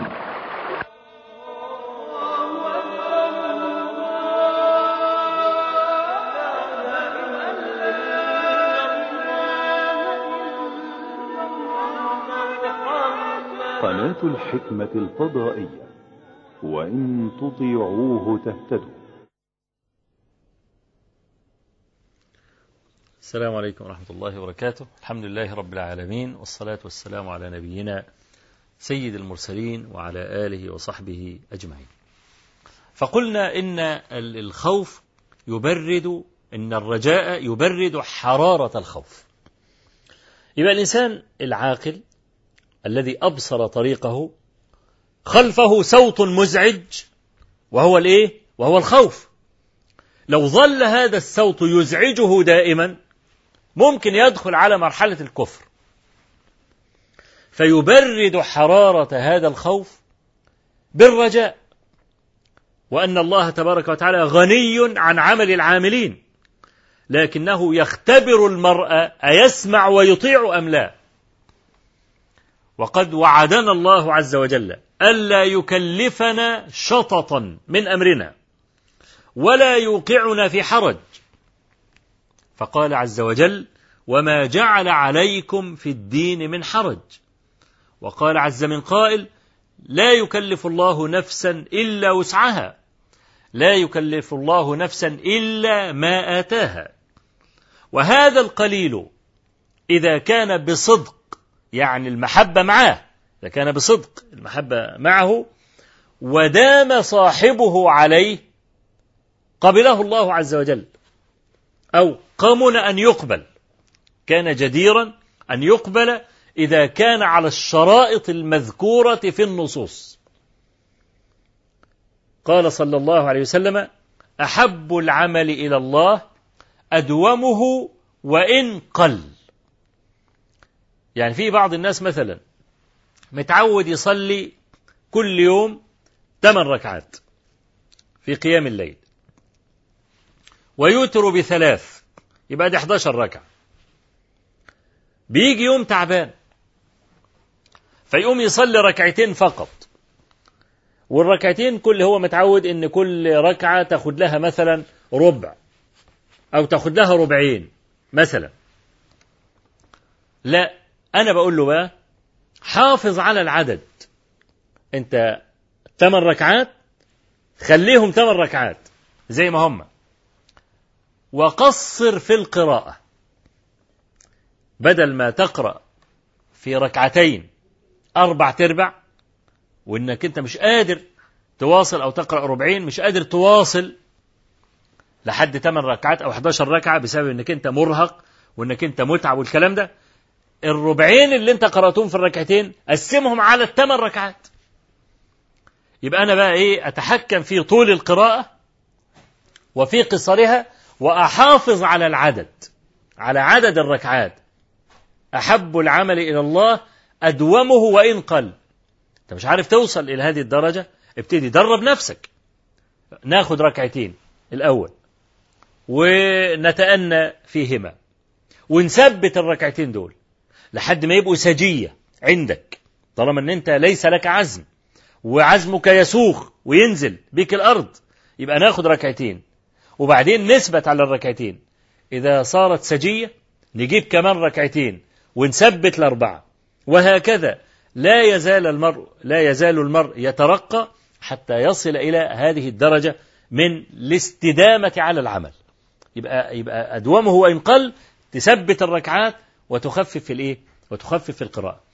الرجاء طبعا مسألة الخوف والرجاء هذه مسألة جديرة بأن نفرد لها حلقة كاملة. وهذا ما سأفعله إن شاء الله تبارك وتعالى معكم في هذا البرنامج. ليه؟ لأن وصول الغلام إلى هذه الدرجة أن يدعو الله عز وجل فيجد الله عز وجل عند رجائه هذا كما قلت كعب عالي جدا في الرجاء. كيف وصل يعني الغلام إلى مثل هذا؟ أو كيف وصل جريج إلى مثل هذا؟ دي طبعا لها ضوابط ولها حكايات كثيرة إن شاء الله نجعل الحلقة القادمة بإذن الله تعالى عن منزلة المحبة وعن منزلة الخوف والرجاء حتى يستقيم سير المرء إلى ربه تبارك وتعالى لعله يبلغ المنزل آه، في أمان. طيب آه، ما أدري في اتصالات؟ طيب ماشي. ناخد بقى بعض الاتصالات من إخواننا. نعم. السلام عليكم ورحمة الله. ألو؟ نعم. السلام عليكم ورحمة الله وبركاته. وعليكم السلام ورحمة الله. آم، أنا أشعر يعني بسعادة غامرة إني أتكلم إلى حضرتك الله يحفظك. وبقية السلف. الله يبارك فيك. يكون حديثي إلى حضرتك. رضا من الله علي. ربنا يحفظك يا أختي. اللهم استرنا. اللهم استرنا ولا تفضحنا. لي. أرجو الدعاء لي ولأبنائي ولزوجي. ربنا يحفظك يا أختي. ربنا يحفظك. أريد أن أسأل حضرتك. أنا أقوم الليل بالقراءة من المصحف وهو على حامل. نعم قد والنظر يكون في موضع السجود آه وعند القراءة قد يرتفع النظر مم. فهل في هذا ما يخل بالصلاة؟ يرتفع النظر يعني تنظرين إلى السماء لا إلى المصحف أمامي على الحامل نعم فهل في هذا ما يخل بالصلاة؟ طيب ماشي. وهل يجوز القراءة يعني للعبادة في المنزل بملابس الصيف وبدون حجاب في نعم. بيتي؟ نعم وهل عند سماع آية ال- السجود هل أسجد بملابسي دون غطاء لرأسي عندما أكون في منزلي بمفردي؟ نعم. آه، وأبنائي الحمد لله والشكر لله رب العالمين يحبون حضرتك حبا كثيرا. ربنا يحفظهم جميعا. وابني الأكبر بر بي جدا. نعم. وقد أكافئ الآن بأن يتحدث إلى حضرتك. بارك فهل الله فيك. تسمح لي بذلك؟ ماشي تفضلي يا أخت تفضلي الله يحفظك. السلام عليكم. وعليكم السلام ورحمة الله وبركاته. والله يا شيخ يعني لأنت أحب إلي من نفسي. الله يحفظك. بارك الله يعني فيك. لوددت أن أقبل قدميك. العفو يا أخي لا تقل هذا الكلام. أتوسل الله إليك يحفظك. ولي ربنا يحفظك يا أخي. الله يحفظك. جزاك ربنا- الله خيرا يا شيخ. الله لا ي- أطيل عليك. السلام الله عليكم. يحفظك. ربنا يبارك فيكم جميعا. نعم. نعم. اتفضل. نعم. في اتصال آخر؟ السلام عليكم ورحمة الله. وعليكم السلام ورحمة الله وبركاته. نعم. لو... ألو. نعم. تفضلي أسمع. آه لو سمحت كنت عايزة أسأل حضرتك سؤال. تفضلي حكم حفظ المرأة في الق- القرآن مع شيخ حتى ولو كان كفيف. حكم إيه؟ حفظ القرآن للمرأة آه. مع الشيخ رجل حتى لو كان كفيف. آه. آه سؤال تاني. حكم بيعتين في بيعة. حتى آه، خاص بأي حاجة ولا الذهب بس؟ الإيه؟ حكم بيعتين في بيعة. خاص بيعتين. بالذهب ولا آه. بأي حاجة معينة؟ ماشي. حاجة. ماشي. آه في سؤال تاني. نعم. حكم لبس ال... طبعا حكم لبس النقاب فرض طب نعم. حكم لبس البيشة. لو كانت هي بترق عيني وعيني مش هتبان وزوجي مصمم وهي بترق يقول لي هي جزء زو- من النقاب آه، زوجك مصمم على إيه؟ على إن أنا أنزل البيشة. تنزلي البيش على وشك يعني. آه من غير النقاب. مع مع هي إن هي بترق العين. يعني هي يعني آه يعني النقاب موجود وبعدين عايز بيشة فوق فوق عينيك يعني. آه. طيب. آه، تالت سؤال. آه هل آه، أهل الزوج عليهم ليه وسيلة رحم ولا لأ؟ آه. في سؤال تاني. دلوقتي أنا هاكل لحمة ومجهول ال- الذ- الذبيح بتاعها. فهل دلوقتي أنا هاكل أي لحمة من غير ما أعرف هو كان بيصلي ولا لأ الذبيحة؟ نعم. ولا ليه إن أنا اختار أو كده؟ طيب ماشي. نعم. جزاكم الله خيرا. بارك الله فيك. نعم. أي نعم تفضل السلام عليكم. السلام عليكم. وعليكم السلام ورحمة الله. الشيخ أبو إسحاق. أي نعم. ربنا يبارك في علمك فوق الله يحفظك. شيخ ليا سؤال عند حضرتك. النقاب هم ليه بيفصلوا بين اسم النقاب والحجاب؟ ليه إيه؟ دلوقتي يعني أصل دلوقتي أصل دلوقتي يقول لي النقاب وبعدين الحجاب. آه. المفروض إن هو اللبس ال- الإسلامي الحجاب اللي هو النقاب وكل المرأة ستر آه. يعني بس تنوع بس كده بلاش حجاب ونقاب لأن ال- الست بتلبس نقاب وبعدين يقولوا محجبة ومنقبة. آه يعني مسألة لبس البنطلون وال- والوش الباين ده اسمه حجاب. مم. فهي طيب. سؤال السؤال. التاني أنا بصلي قيام الليل آه، ساعات ب- ب- بقدم الوتر وبعدين بالليل بصلي تاني. فهل هذا يجوز ولا لأ؟ آه يعني يعني بتؤجلي الوتر؟ لا ب- بقدمه باخد بالحيطة آه يعني بحتوط. يعني بتوتري اخذا بالأحوط؟ أيوه بالأحوط آه. وبعدين قد يعن لك أن تصلي بعد ذلك أتصلين أم آه لا والحمد لله في أغلب الأحيان بصلي. يعني تسألي عن الصلاة بعد الوتر هل ممكن؟ آه. طيب ماشي. شكرا. ماشي بارك. نعم. السلام عليكم ورحمة الله. السلام عليكم. وعليكم السلام ورحمة الله وبركاته. أحبك في الله يا شيخ أبو إسحاق. أحبك الله عز وجل. أنا عايز أسأل حضرتك سؤالين. السؤال الأول هل يصح يعني لي شرعا إن أنا يعني أعتقد في نفسي كده وأحط جوه نفسي إن أنا أكون بحب حضرتك وبحب الشيخ محمد حسان أكثر الخلق على وجه الأرض الآن؟ هل ده يصح شرعا؟ نعم. طيب حاضر. السؤال الثاني أنا عايز حضرتك تكلمني عن آه، الصحابي سعيد بن زيد. لأن أنا أعرف إن هو من من العشرة المبشرين بالجنة آه. بس أنا ما أعرفش عنه حاجة الحقيقة. يعني فيا ريت حضرتك تكلمنا شوية عنه وعن فضائله وعن صفاته. نعم. شكرا أفضلك. السلام عليكم. بارك الله فيك. وعليكم السلام ورحمة الله. نعم. السلام عليكم ورحمة الله. طيب. طيب خلاص. طيب نا. طيب ناخد يعني نجاوب على بعض ال- الأسئلة دي وبعدين إن شاء الله نتلقى اتصالات أخرى إذا كان في وقت يعني. طيب ناخد التليفون ده ماشي نعم. السلام عليكم ورحمة الله. السلام عليكم السلام عليكم. ورحمة الله وبركاته. وعليكم السلام ورحمة الله وبركاته. ازيك يا مولانا الله يحفظك. آه إني أحبك في الله. أحبك الله. جزاك الله خيرا. الله يبارك فيك يا سيدي. بس اتفضل. آه، أريدك في مسألة غسل الميت الجنب. غسل الميت الجنب. الميت الجنب؟ آه الميت الجنب. غسلين أم غسل واحد. إيه؟ ماله؟ غسل الميت الجنب ماشي، له مال. غسلين أم غسل واحد؟ آه يعني هل غسلان أم غسل؟ نعم. نعم. طيب ماشي حاضر. نعم. طيب. جزاكم الله خير بارك الله فيك. طيب في أسئلة أخرى؟ نعم. السلام عليكم ورحمة الله. طيب خلاص إيه، كفاية بقى نجاوب على الأسئلة دي الأول؟ طيب. طبعا بالنسبة للأخت اللي هي بتسأل عن القراءة من المصحف وأحيانا يرتفع بصرها إلى المصحف وليس إلى السماء. آه، هذا لا شيء فيه لأن هو الط- الطبيعي يعني إذا كان نظر محل السجود ده بالنسبة للإنسان الذي يحفظ. أما بالنسبة للإنسان الذي لا يحفظ آه، يعني آه، كثيرا من القرآن ووضع المصحف أمامه على الحامل فإنه فإنه إيه يعني آه، ينظر عادة إلى المصحف فهذا لا شيء فيه. أي نعم. آه، طيب آه، ال- بالنسبة لي ال- ال- اللبس بقى هي يعني متحرجة إنها تكون متخففة من ثيابها أو بثياب المهنة أو ثياب البيت وبتقرأ أو بتسجد سجد التلاوة أو هذه الأشياء فإحنا بنقول لا جناح في ذلك. يعني المرأة على هيئتها تقرأ كتاب ربها عز وجل وتسجد برضو سجدة التلاوة على هيئتها أيضا ولا شيء في هذا والحمد لله. طيب ماشي معلش ناخد هذا ال- الهاتف من الجزائر. نعم. السلام عليكم. وعليكم السلام ورحمة الله وبركاته. حالك يا شيخ الله يحفظك أخي الكريم والله اني أحبك الله عز وجل. تفضل. السلام عليكم. آه، نعم. تفضل. سؤال. نعم. قبل عندي واحد آه، مدة آه،. حب معلش الصوت مقطع. نعم. أنا لا أسمع الصوت مقطع يعني مش مش قادر أفهم أنت عايز إيه. يعني اسمع فيك أنا اسمع فيك. فمثل آه، سمعت وقلت حديث في يوم ما. شيخ. أنا يا شيخ. نعم أنا أسمع. طب ماشي ماشي. يا محمد خليك معايا لو سمعت. نعم النهارده في عواصف شديدة و- ويبدو شبكات المحمول كلها تعبانة النهارده. ها. شيخ. نعم. يا شيخ. أسمعك. آه، أنت قلت في يوم سمعتك في شعرين. في حديث. قلت فيه لحوم البقر داء ولا تهاش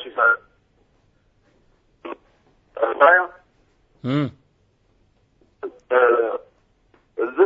عشر سنوات قبل بعد سمعتك قلت أن الرسول صلى الله عليه الصلاة والسلام أكل لحم البقر. كيف يكون التوافق بين لحوم البقر داء وأكل لحم البقر؟ نعم نعم. السلام عليكم ورحمة الله. يبدو يبدو أن الاتصال انقطع بأخينا من الجزائر. نعم في السلام عليكم. وعليكم السلام ورحمة الله. آه، ازي حضرتك يا شيخنا الله يحفظك الحمد ربنا لله يبارك فيك يا شيخنا وفيك بارك. آه، حضرتك يا شيخنا في موضوع كده كنت عايز أسأل حضرتك فيه. نعم. كنا عايزين حضرتك تعمل لنا درس عن موضوع الجن عشان الموضوع ده مثار على الفضائيات بشكل وحش قوي. و... ويعني بشكل مش كويس وفي قنوات بتجيب دجالين و... و- وسحرة ويتكلموا كلام آه، يعني يعني وفي ناس ابتدت تقتنع بالكلام ده هو ويجيبوا شيوخ على قنوات فضائية أخرى وحاجات كده يعني غير لائقه فعايزين طب, طب ما تخلينا في الإنس. إحنا لسه ما خلصناش الإنس. ربنا يبارك يا شيخنا بس الناس مفتونة بالموضوع ده حاليا قوي طيب يعني. على أي حال إحنا بقى نطلب بقى من الشيخ وحيد بقى إن هو إيه يعمل القصة دي. ربنا يجزيك خير يا شيخ. الله منك بس طلب أخير يا شيخنا حضرتك نعم. بس تدعو للمأسورين أن يفك الله أسرهم آمين يا رب. الله. اللهم آمين. آمين يا رب. جزاك الله خير. اللهم. آمين. بارك الله فيك. طيب في أسئلة؟ ماشي هات. السلام عليكم. السلام عليكم ورحمة الله.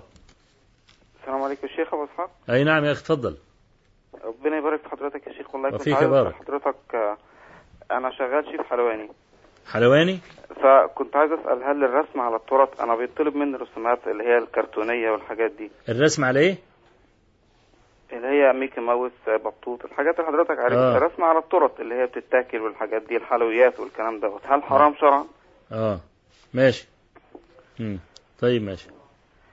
وفي سؤال تاني بعد إذن حضرتك. اتفضل. هل في حديث آه، اسمه حديث الغرانيق؟ آه.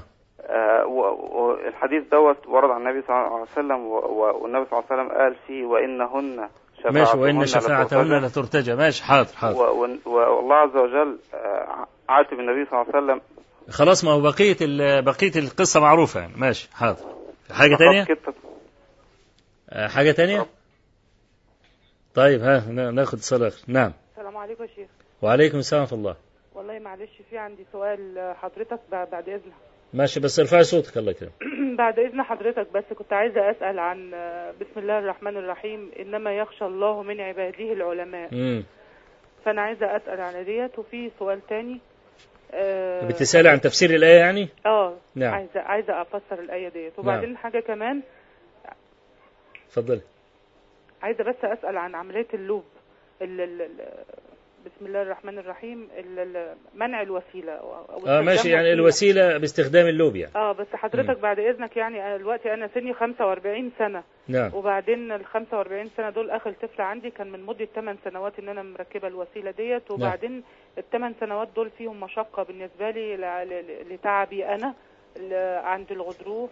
ووالدتي ببشرها والدي ببشره بشغلي ولادي. نعم. فعايزة أشوف فنسيت في الدوامة ديت بس عملية إن أنا آه التنظيم عملية التنظيم من عملية المنع. فنسيت الفرحة دي. فعايزة أعرف بحضرتك بعد إذنك الوضع دوت بالنسبة لي شكله إيه. طيب حاضر. وطبعا أنا طبعا مبسوطة إن أنا اتكلمت مع ال- ال- الشيخ قاعدة الهرم الأكبر الله يحفظك. والضلعين الآخرين الشيخ يعقوب والشيخ حسان. ربنا يبارك لنا حفظهم الله. وربنا وحفظ. سائر المشايخ. نعم نعم نعم. أي نعم. تفضل. السلام عليكم ورحمة الله. السلام عليكم ورحمة الله وبركاته. خلاص انقطع الاتصال طيب. نجاوب آه بتسأل بقى الأخت عن حكم حفظ القرآن مع رجل ولو كان كفيفا. الصحيح في هذه المسألة أن يكون هناك ساتر بين الرجل وبين المرأة. يعني لا يصل إلى الرجل من المرأة إلا صوتها. بس. وطبعا لو في أخت تقوم مقام هذا الرجل فهذا هو الأجود. لكن مسألة المكافحة أن يكافح تكافح المرأة وجه الرجل والعكس حتى لو كان كفيفا فهذا فيه مفاسد. الله المستعان. فإحنا بقى بنوصي يعني هذه الأخت إنها إذا أرادت أن تقرأ القرآن على رجل متمكن فيكون بينهما ساتر إما ستارة وإما باب. المهم يكون إيه؟ ما يكونش المسألة وجها لوجه مع بعض. بيسأل السائل بقى عن بيعتين في بيعة الصورة إيه؟ طبعا في حديث للنبي عليه الصلاة والسلام أنه نهى عن بيعتين في بيعة وفي لفظ آخر عند أحمد وغيره قال صلى الله عليه وسلم من باع بيعتين في بيعة فله أوكسهما أو ربا. صورة البيعتين في بيعة أن يقول رجل لآخر أبيعك هذا نقدا بكذا أبيعك هذا نسيئة بكذا. يعني اتفقنا على سلعة معينة. السلعة دي مثلا هنفترض إنها بعشرة آلاف. بالقسط. اتفقنا على البيع. الرجل بائع ومشتري. السلعة دي بعشرة آلاف بالقسط. بعد ما يتم هذا البيع الرجل الذي باع يشتري البضاعة من الرجل الذي باع له البضاعة بعشرة آلاف بالقسط. يقول له طب أنا ممكن أديك 8000 نقدا. وآخذ منك البضاعة. خلاص؟ يبقى النبي عليه الصلاة والسلام هنا ده بيعتين في قال من باع بيعتين في بيعة فله أوكسهما واحد هياخد الوكس وهو الذي اشترى بعشر تلاف قسط وباع بثمان تلاف نقدا. ده خد الوكس. الثاني أكل الربا. لأن أكل بقى 8000 ب 10000 ففي فرق 2000 من باع بيعتين في بيعة فله أوكسهما أو ربا. والمسألة دي مش مختصة بالذهب. ليست مختصة بالذهب وحده إنما يمكن أن تجري في سائر المبيعات. نعم. آه الأخت اللي بتسأل بقى عن النقاب بتلبس النقاب وبعدين زوجها يريد منها أن أنها ترخي البيشة دي على يعني وجهها حتى تغطي عينيها. طبعا هو إذا كان النقاب يعني يعني ساترا للمرأة ولا يظهر إلا شيء من عينيها ده هذا يبقى كافي. لو هو مش لا مش مبين العين. لأن بكل أسف بعض الأخوات بيلبسوا النقاب وبينزلوا النقاب عن الوجه قليلا فبتكون أشد فتنة تكون أشد فتنة. وصدر يعني من سنوات طويلة كان الشيخ ابن عثيمين رحمه الله أفتى بتحريم نقاب البرقع بتحريم نقاب البرقع اللي هو النقاب السائد في مصر والشام. فكان السبب إيه؟ إن هناك كان عند الحرم كنا بنشوف فعلا النساء بترفع غطاء الرأس إلى هنا وتنزل البيشة إلى هنا وإذا بجزء من الأنف وجزء من الخدين يعني ظاهر وكانت المرأة بتكون أشد فتنة. يعني العين بالذات قد تكون المرأة في مجملها قبيحة أو لا تكون جميلة يعني ذاك الجمال ولكن إذا ظهر منها عيناها فقط كانت أشد فتنة. لأجل هذا الشيخ رحمة الله عليه قال لك لا نقاب البرقع لا لأن المرأة بتتصرف في نقاب البرقع. بخلاف ما إذا كانت لابسة الإيه؟ الإدناء لا يعني تستطيع أن تتصرف فيه كما تتصرف في نقاب البرقع. فإحنا بنقول يعني إذا كان هذا يعني لا يحجب الرؤية عن المرأة ويضايقها فلا بأس أنها إيه؟ تضع البيشة على وجهها حتى لا ينظر أحد إلى عينيها. أما إذا كانت تتأذى من هذا يبقى هي تضيق بس المسافة وخلاص. ولا يعني يجبرها زوجها على ذلك. بتسأل برضو عن معاملة أهل الزوج. أهل طبعا الزوج هذا هذا أرحام. ولا يرضي أبدا الزوج أن امرأته تعامل أمه أو تعامل أباه معاملة سيئة. وهذه دخلة من في صلة الرحم. والنبي صلى الله عليه وسلم يقول من سره أن يبسط له في رزقه وينسأ له في أثره فليصل رحمه. بالإضافة لأن المرأة إذا كانت يعني مطيعة فإنها تدخل قلب زوجها يعني كثير من المشاكل التي تقابلون. إن المرأة تعتقد أن خدمتها مثلا لحمتها أنها ليست واجبة فتقول طالما ليست واجبة أنا لا أخدمها. يحصل مشاكل بينها وبين زوجها. فعشان كده إحنا بنقول يعني على الأقل هي دي داخلة في باب البر والإحسان والمعروف. فلا تقصر المرأة المسلمة في سلوك أي باب يوصلها إلى ربها وتحصل من خلاله الحسنات. أما مسألة أكل اللحم فيعني إذا كان في بلد يعني زي كمصر مثلا ويعني فيها مذابح وكده طبعا في بعض الذين يقولون بكفر تارك الصلاة يقولون طبعا بتحريم ذبيحته والذين يقولون بأنه مسلم على الخلاف الجاري المعروف فإنهم يحلون ذبيحته. وهذا بكل أسف مما عمت به البلوى. يعني الإنسان لا يستطيع أبدا أن يأتي فيذبح لنفسه. قد يستطيع هذا بعض الناس. اللي هو أن يجيب الذبيحة يشتركوا مجموعة في ذبيحة يذبحوها وتخلصوا من كل هذا الصداع اللي ممكن يصيب الإنسان. لكن هذه المسألة صارت عسيرة جدا أن يذبح المرء لنفسه أو أن يجمع مجموعة فيذبح. فلذلك يعني لا أرى بأسا بأكل اللحم الذي يذبح في المذابح العامة المعروف. نعم. تسأل برضو أخت بالنسبة لي مسألة تأجيل الوتر. طبعا هي عفوا الصلاة بعد الوتر.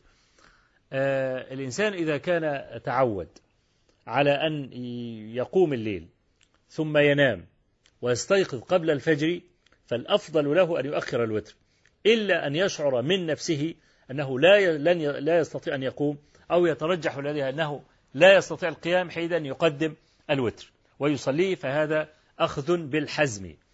فإذا استيقظ المرء قبل صلاة الفجر وأراد أن يصلي بالليل فلا يصدنه الوتر عن أن يصلي. فقد ثبت أن النبي صلى الله عليه وسلم صلى بعد الوتر ركعتين. لكن لا يوتر المرء مرة أخرى لقول النبي صلى الله عليه وسلم لا وتران في ليلة. يبقى خلاص إيه؟ يعني آه، تصلي ولكن لا توتر. أما إذا يعني آه، كان المرء يعني حازما ومن عادته أن يقوم فيؤخر الوتر لقوله صلى الله عليه وسلم اجعلوا آخر صلاتكم من الليل وترا. آه، طبعا ترجمة سعيد بن زيد دي يعني إيه أنا يعني أرجو الأخ إن هو لأنها طبعا هتاخد مننا وقت وفي أسئلة كثيرة وفي إخوة يعني على ال- الهاتف. ما زالوا فإحنا هنحاول إن إحنا نجيب إجابات مختصرة وترجمة سعيد بن زيد إن شاء الله أؤجلها وأرجوها وأجيب بإذن الله الكريم عليه. الأخ اللي بيسأل بقى عن غسل الميت الجنب هل عليه غسلان أم عليه غسل واحد؟ غسل واحد يكفي. غسل واحد يكفي يرفع الايه؟ يرفع الجنابة. نعم. آه والكلام اللي طبعا الأخ اللي اتكلم عن الجن برضه إحنا جاوبناه والأخ اللي بيتكلم بقى عن حديث الغرانيق الغرانيق ده يعني يحتاج فعلا إلى وقفة. لكن أنا لن أطيل ولعلي أرجع إليها آه إلى هذه القصة مرة أخرى. آه حديث الغرانيق حديث باطل. خلاصته أن النبي صلى الله عليه وسلم قرأ آه من سورة النجم. قرأ من سورة النجم وكان المشركون مع المسلمين في ذلك الوقت. فلما قرأ النبي صلى الله عليه وسلم أفرأيتم اللات والعزى ومناة الثالثة الأخرى ألكم الذكر وله الأنثى؟ في في في في أثناء قراءة هذه الآيات أفرأيتم اللات والعزى ومناة الثالثة الأخرى؟ ذكرت الروايات إن في صوت طلع كده تلك الغرانيق العلا الغرانيق جمع غرنيق وهو الصنم تلك الغرانيق العلا وإن شفاعتهن لترتجى. فالمشركون كأنهم رضوا بهذا ويعني إيه قال لك بس يثني على آلهتنا. طبعا هذه القصة أولا كلها مراسيل وحتى المراسيل لا تسلم. يعني الإسناد وإن كان مرسلا ما فيش مراسيل صحيحة الإسناد فيها.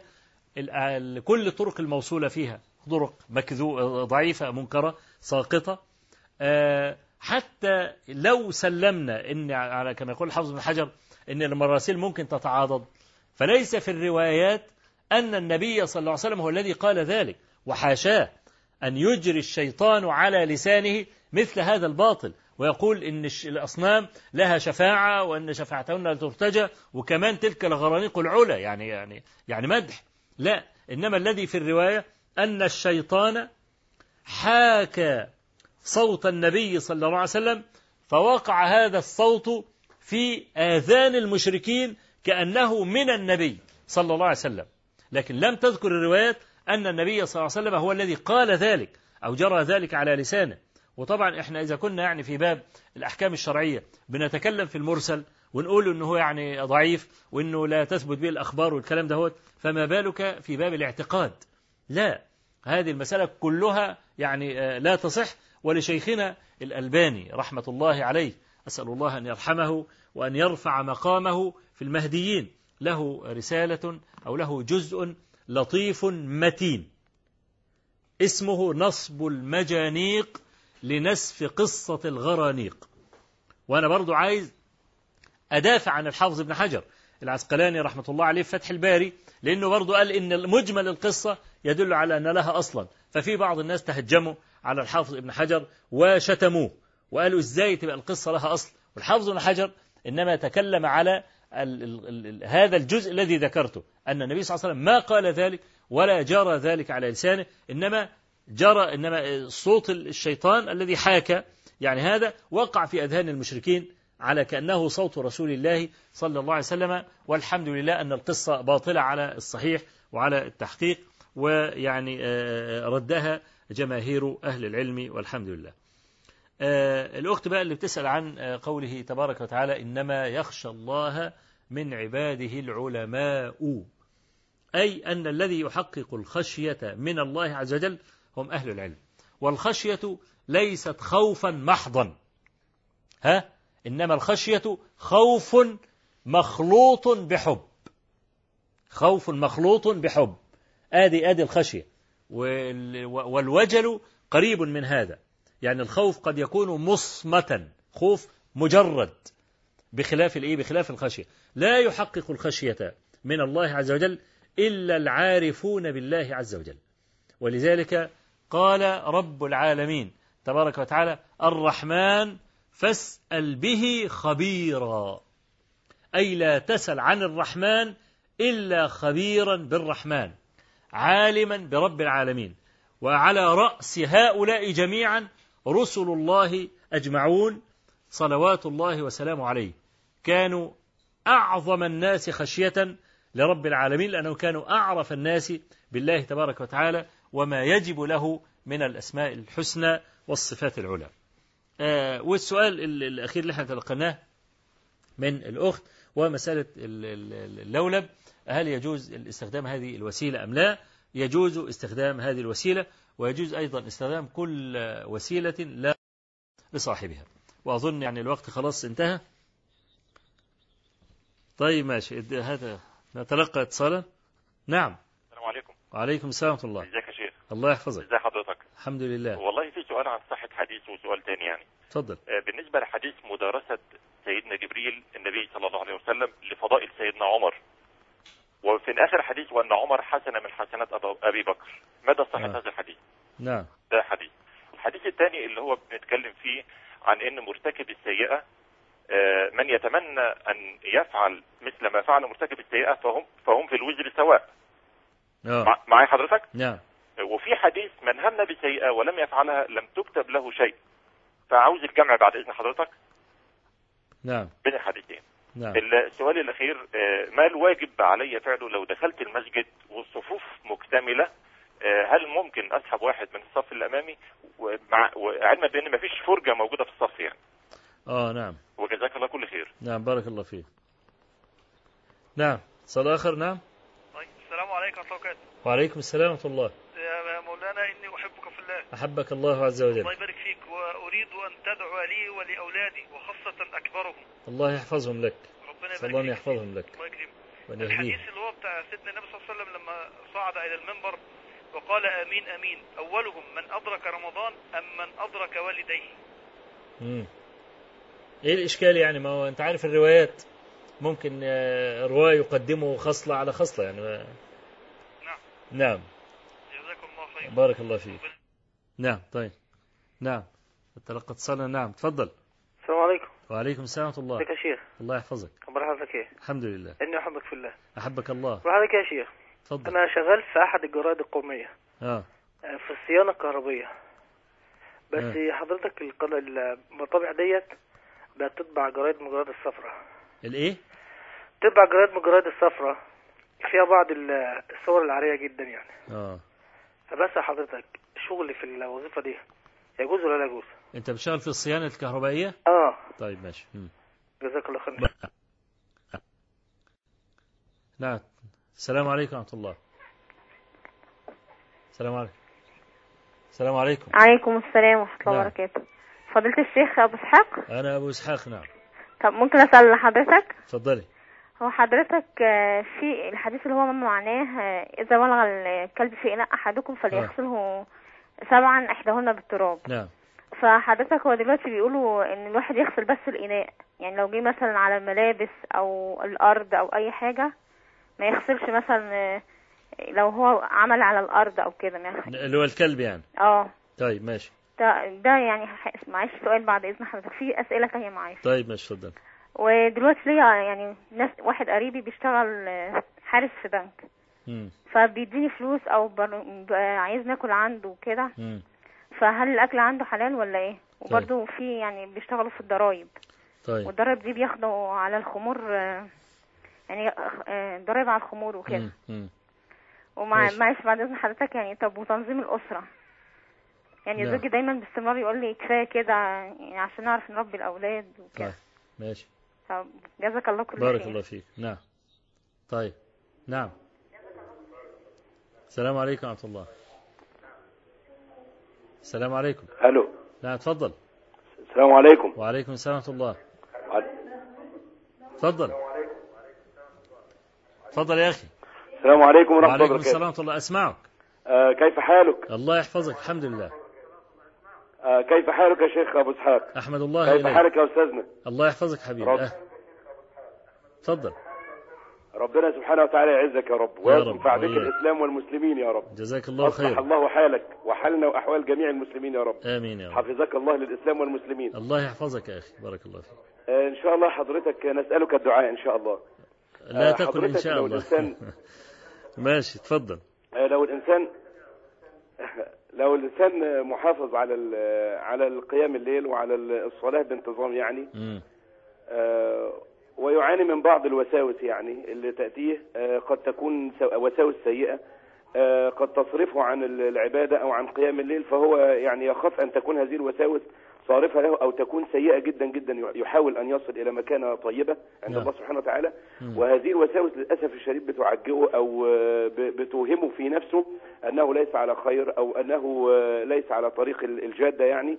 آه، أو أنها تنقص من قدره عند الله سبحانه وتعالى خاصة إذا كانت تمس شيئا من العقيدة فهو يترك ال- ال- الخير أو الصلوات أو قراءة القرآن لهذه الوسائل والوساوس مع نعم. أنه يجاهدها جهادا شديدا مع النفس أي نعم آه. فما رأي فضيلتكم السلام. عليكم ورحمة الله طيب طيب آه طيب نجاوب عن بعض الأسئلة لأن خلاص الوقت أظن فاضل خمس دقائق آه دلوقتي حديث آه، مدارسة جبريل عليه السلام بفضائل عمر هذا حديث موضوع مكذوب على رسول الله صلى الله عليه وآله وسلم وكذلك تمني عمر أن يكون شعرة في صدر أبي بكر رضي الله عنهما. كل هذا لا يصح من جهة الإسناد. آه، والأخ اللي بيسأل عن آه، أنه إذا دخل المسجد فوجد الصف تاما فهل يجوز له أن يسحب رجلا آه، ليقف معه في الصف خلفه. فالجواب لا. الجواب لا. الحديث الذي ورد في هذا حديث ضعيف وهو هل جبذت رجلا فصلى معك؟ هذا حديث ضعيف لا يصح. وطبعا آه، النبي عليه الصلاة والسلام قال من وصل صفا وصله الله ومن قطع صفا قطعه الله فلا يجوز لأحد أن يقطع الصف. إنما على حسب الحال على حسب المتاع. إذا لم يجد فرجة قط في الصف جاز له أن يصلي خلف الصف وحده إذا لم يكن عنده استطاع أن يصلي مع الإمام. أو إذا غلب على ظنه أن لسه إيه في ناس هيجوا المسجد وأن الصف سوف يكتمل فلا جناح عليه حينئذ أن يقف وحده. ولا يدخل تحت الحديث حديث النبي صلى الله عليه وسلم لا صلاة لمنفرد خلف الصف إذا فعل ما يستطيعه لقول الله تبارك وتعالى. لا يكلف الله نفسا إلا وسعها. يبقى إذن هو لا يجذب أحدا من الصف فيعني يقطع الصف الأول. بالنسبة للأخ اللي بيسأل عن الصيانة أن بيصون الكهرباء في الجرائد القومية وأن هذه الجرائد في بعضها بتكون فيها صور عارية فهذا الأخ لا شيء في عمله ما لم يمارس هذا المنكر بنفسه أو يشارك فيه. حديث بقى إذا ولغ الكلب في إناء أحدكم فليغسله سبع مرات إحداهن بالتراب. بعض الناس بيقول لك لا هو مجرد ما يغسل بأي مادة غسيل زي الصابون أو الكلام ده هو يبقى إيه؟ يبقى نفذ. هذا الكلام كلام لا يصح ولا بد من التراب في المسألة دي. لا بد من التراب. وهذا الحديث خاص بالآنية. يعني مثلا إذا الكلب مس الملابس أو مثلا لحس الملابس أو الكلام ده. هل يغسل الثياب سبع مرات؟ يعني إحداهن بالتراب؟ لا. المسألة دي خاصة بالإيه؟ خاصة بالآنية دون دون غيرها. آه الأخ اللي برضه بيسأل عن أو الأخت اللي بتسأل عن الحارس آه في بنك وبعدين ممكن يأتي ببعض المال أو بهدايا أو بأكل أو الكلام ده. آه هل في ذلك شيء؟ نقول لا شيء فيه. يعني عبد الله بن مسعود وقد صح عنه هذان الخبران اللي أنا هقولهم دلوقتي. لما سئل عن رجل ماله من الربا. وبعدين هذا الرجل بيدعو بيدعو الناس إلى أكل طعامه. فهل يجوز للإنسان أن يلبي دعوة هذا الرجل اللي ماله في ربا فيأكل عنده؟ فقال ابن مسعود رضي الله عنه كلوا لكم المهن وعليه الإثم.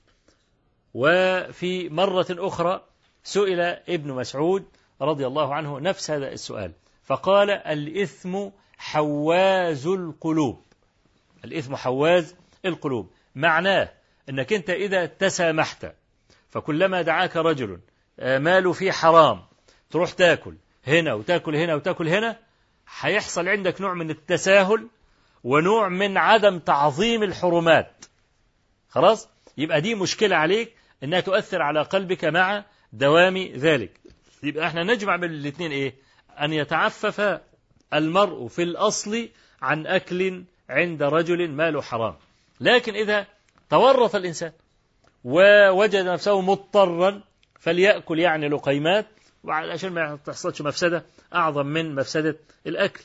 يبقى إذا الإنسان ممكن يوازن ما بين الأمرين. إذا هو أهدى هدية مثلا يمكن لي إذا أنا تعففت عنها وهو الصواب أن أنا أعطيها لرجل آخر. أعطيها لجهة أخرى ولا أنتفع بها. يبقى كده الواحد إيه؟ يبقى الواحد تخلص. وفي نفس الوقت لعل يعني الدعوة بالحسنى مع التنبيه والكلام ده هو يعني تثمر يعني ثمرتها مع هذا الإنسان. بالنسبة لمسألة تنظيم الأسرة بقى اللي هو يحصل تباعد ما بين الإنجاب. يعني المرأة بتأخذ وسيلة من الوسائل علشان خاطر تباعد ما بين الأولاد. يكون بين كل ولد سنتين أو يكون بين كل ولد والآخر ثلاث سنوات لأن هذا يرهقها وخدمة الأولاد الصغار بصفة مستمرة بتزعج الأم وترهقها فهذا لا بأس به. يعني لا شيء فيه. إذا المرأة سلكت يعني مثل هذا فليس عليها شيء من الحرام. وأخيرا يعني صاحبنا الذي يتكلم عن الوسواس. وإنه هو بيقوم الليل فبتهجم عليه الوساوس فبتعكر عليه العبادة. أنا أريد أن أنبه وأقول يا أخوانا الوسواس القهري الذي يهجم على القلب بغير اختيار من صاحبه علاجه بعد الاستعانة بالله تبارك وتعالى أن تطرح هذه الوساوس خلف ظهرك. ليه؟ لأن الله تبارك وتعالى أمنك على لسان نبيه صلى الله عليه وآله وسلم من هذا الوسواس. فقال عليه الصلاة والسلام إن الله تجاوز لأمتي ما حدثت به أنفسها ما لم تعمل به أو تتكلم به. ما لم ينشرح صدرك. لهذه الوساوس أنت خايف من إيه؟ إيه اللي رعبك يعني وبيزعجك ويزعجك؟ إيه؟ إذا كان ده أهدره النبي عليه الصلاة والسلام. قال ما لم تعتقد بقلبك وينشرح الصدر. لذلك وأنا ما رأيت رجلا أصيب بهذا الوسواس منشرح الصدر ولا مبسوط. بالعكس ده خايف جدا أن يموت على الكفر. يعني كل اللي, اللي, اللي, اللي بيعانوا من هذا الوسواس بتجيله وساوس في ذات الله تبارك وتعالى. تنقيص في ذات الله عز وجل. تنقيص في أو, تشكيك في القرآن أو تشكيك في الرسول عليه الصلاة والسلام. اللي عرفك أنه بعث ويعرفك أن الكلام ده كلام ربنا. ويسمع شتيمة لرب العالمين في قلبه. يبقى مرعوب خايف يموت على الكفر. فصدره لم ينشرح بطبيعة الحال. فالله عز وجل تجاوز عن مثل هذا. ما لم ينشرح الصدر. لذلك وبعدين ما لم يدعو هذا الإنسان المبتلى غيره إلى مثل هذا. هذا غير متحقق أبدا عند صاحب الوسواس.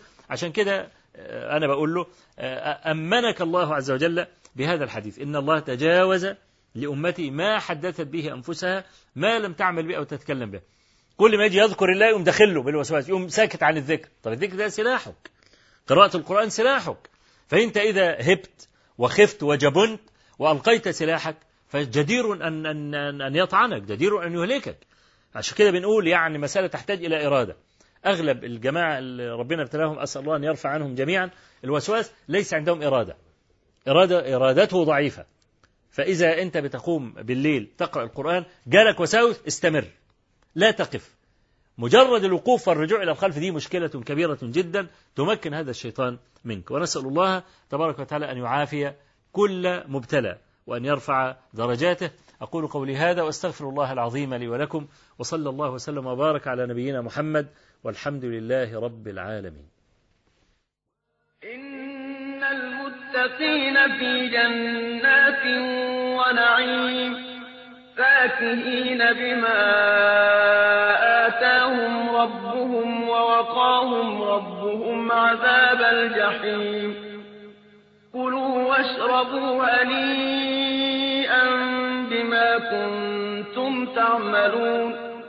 متكئين على سرر مصفوفة.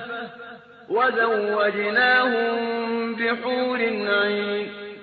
والذين آمنوا واتبعتهم ذريتهم بإيمان ألحقنا بهم ذريتهم وما ألتناهم من عملهم من شيء. كل امرئ بما كتب رهين.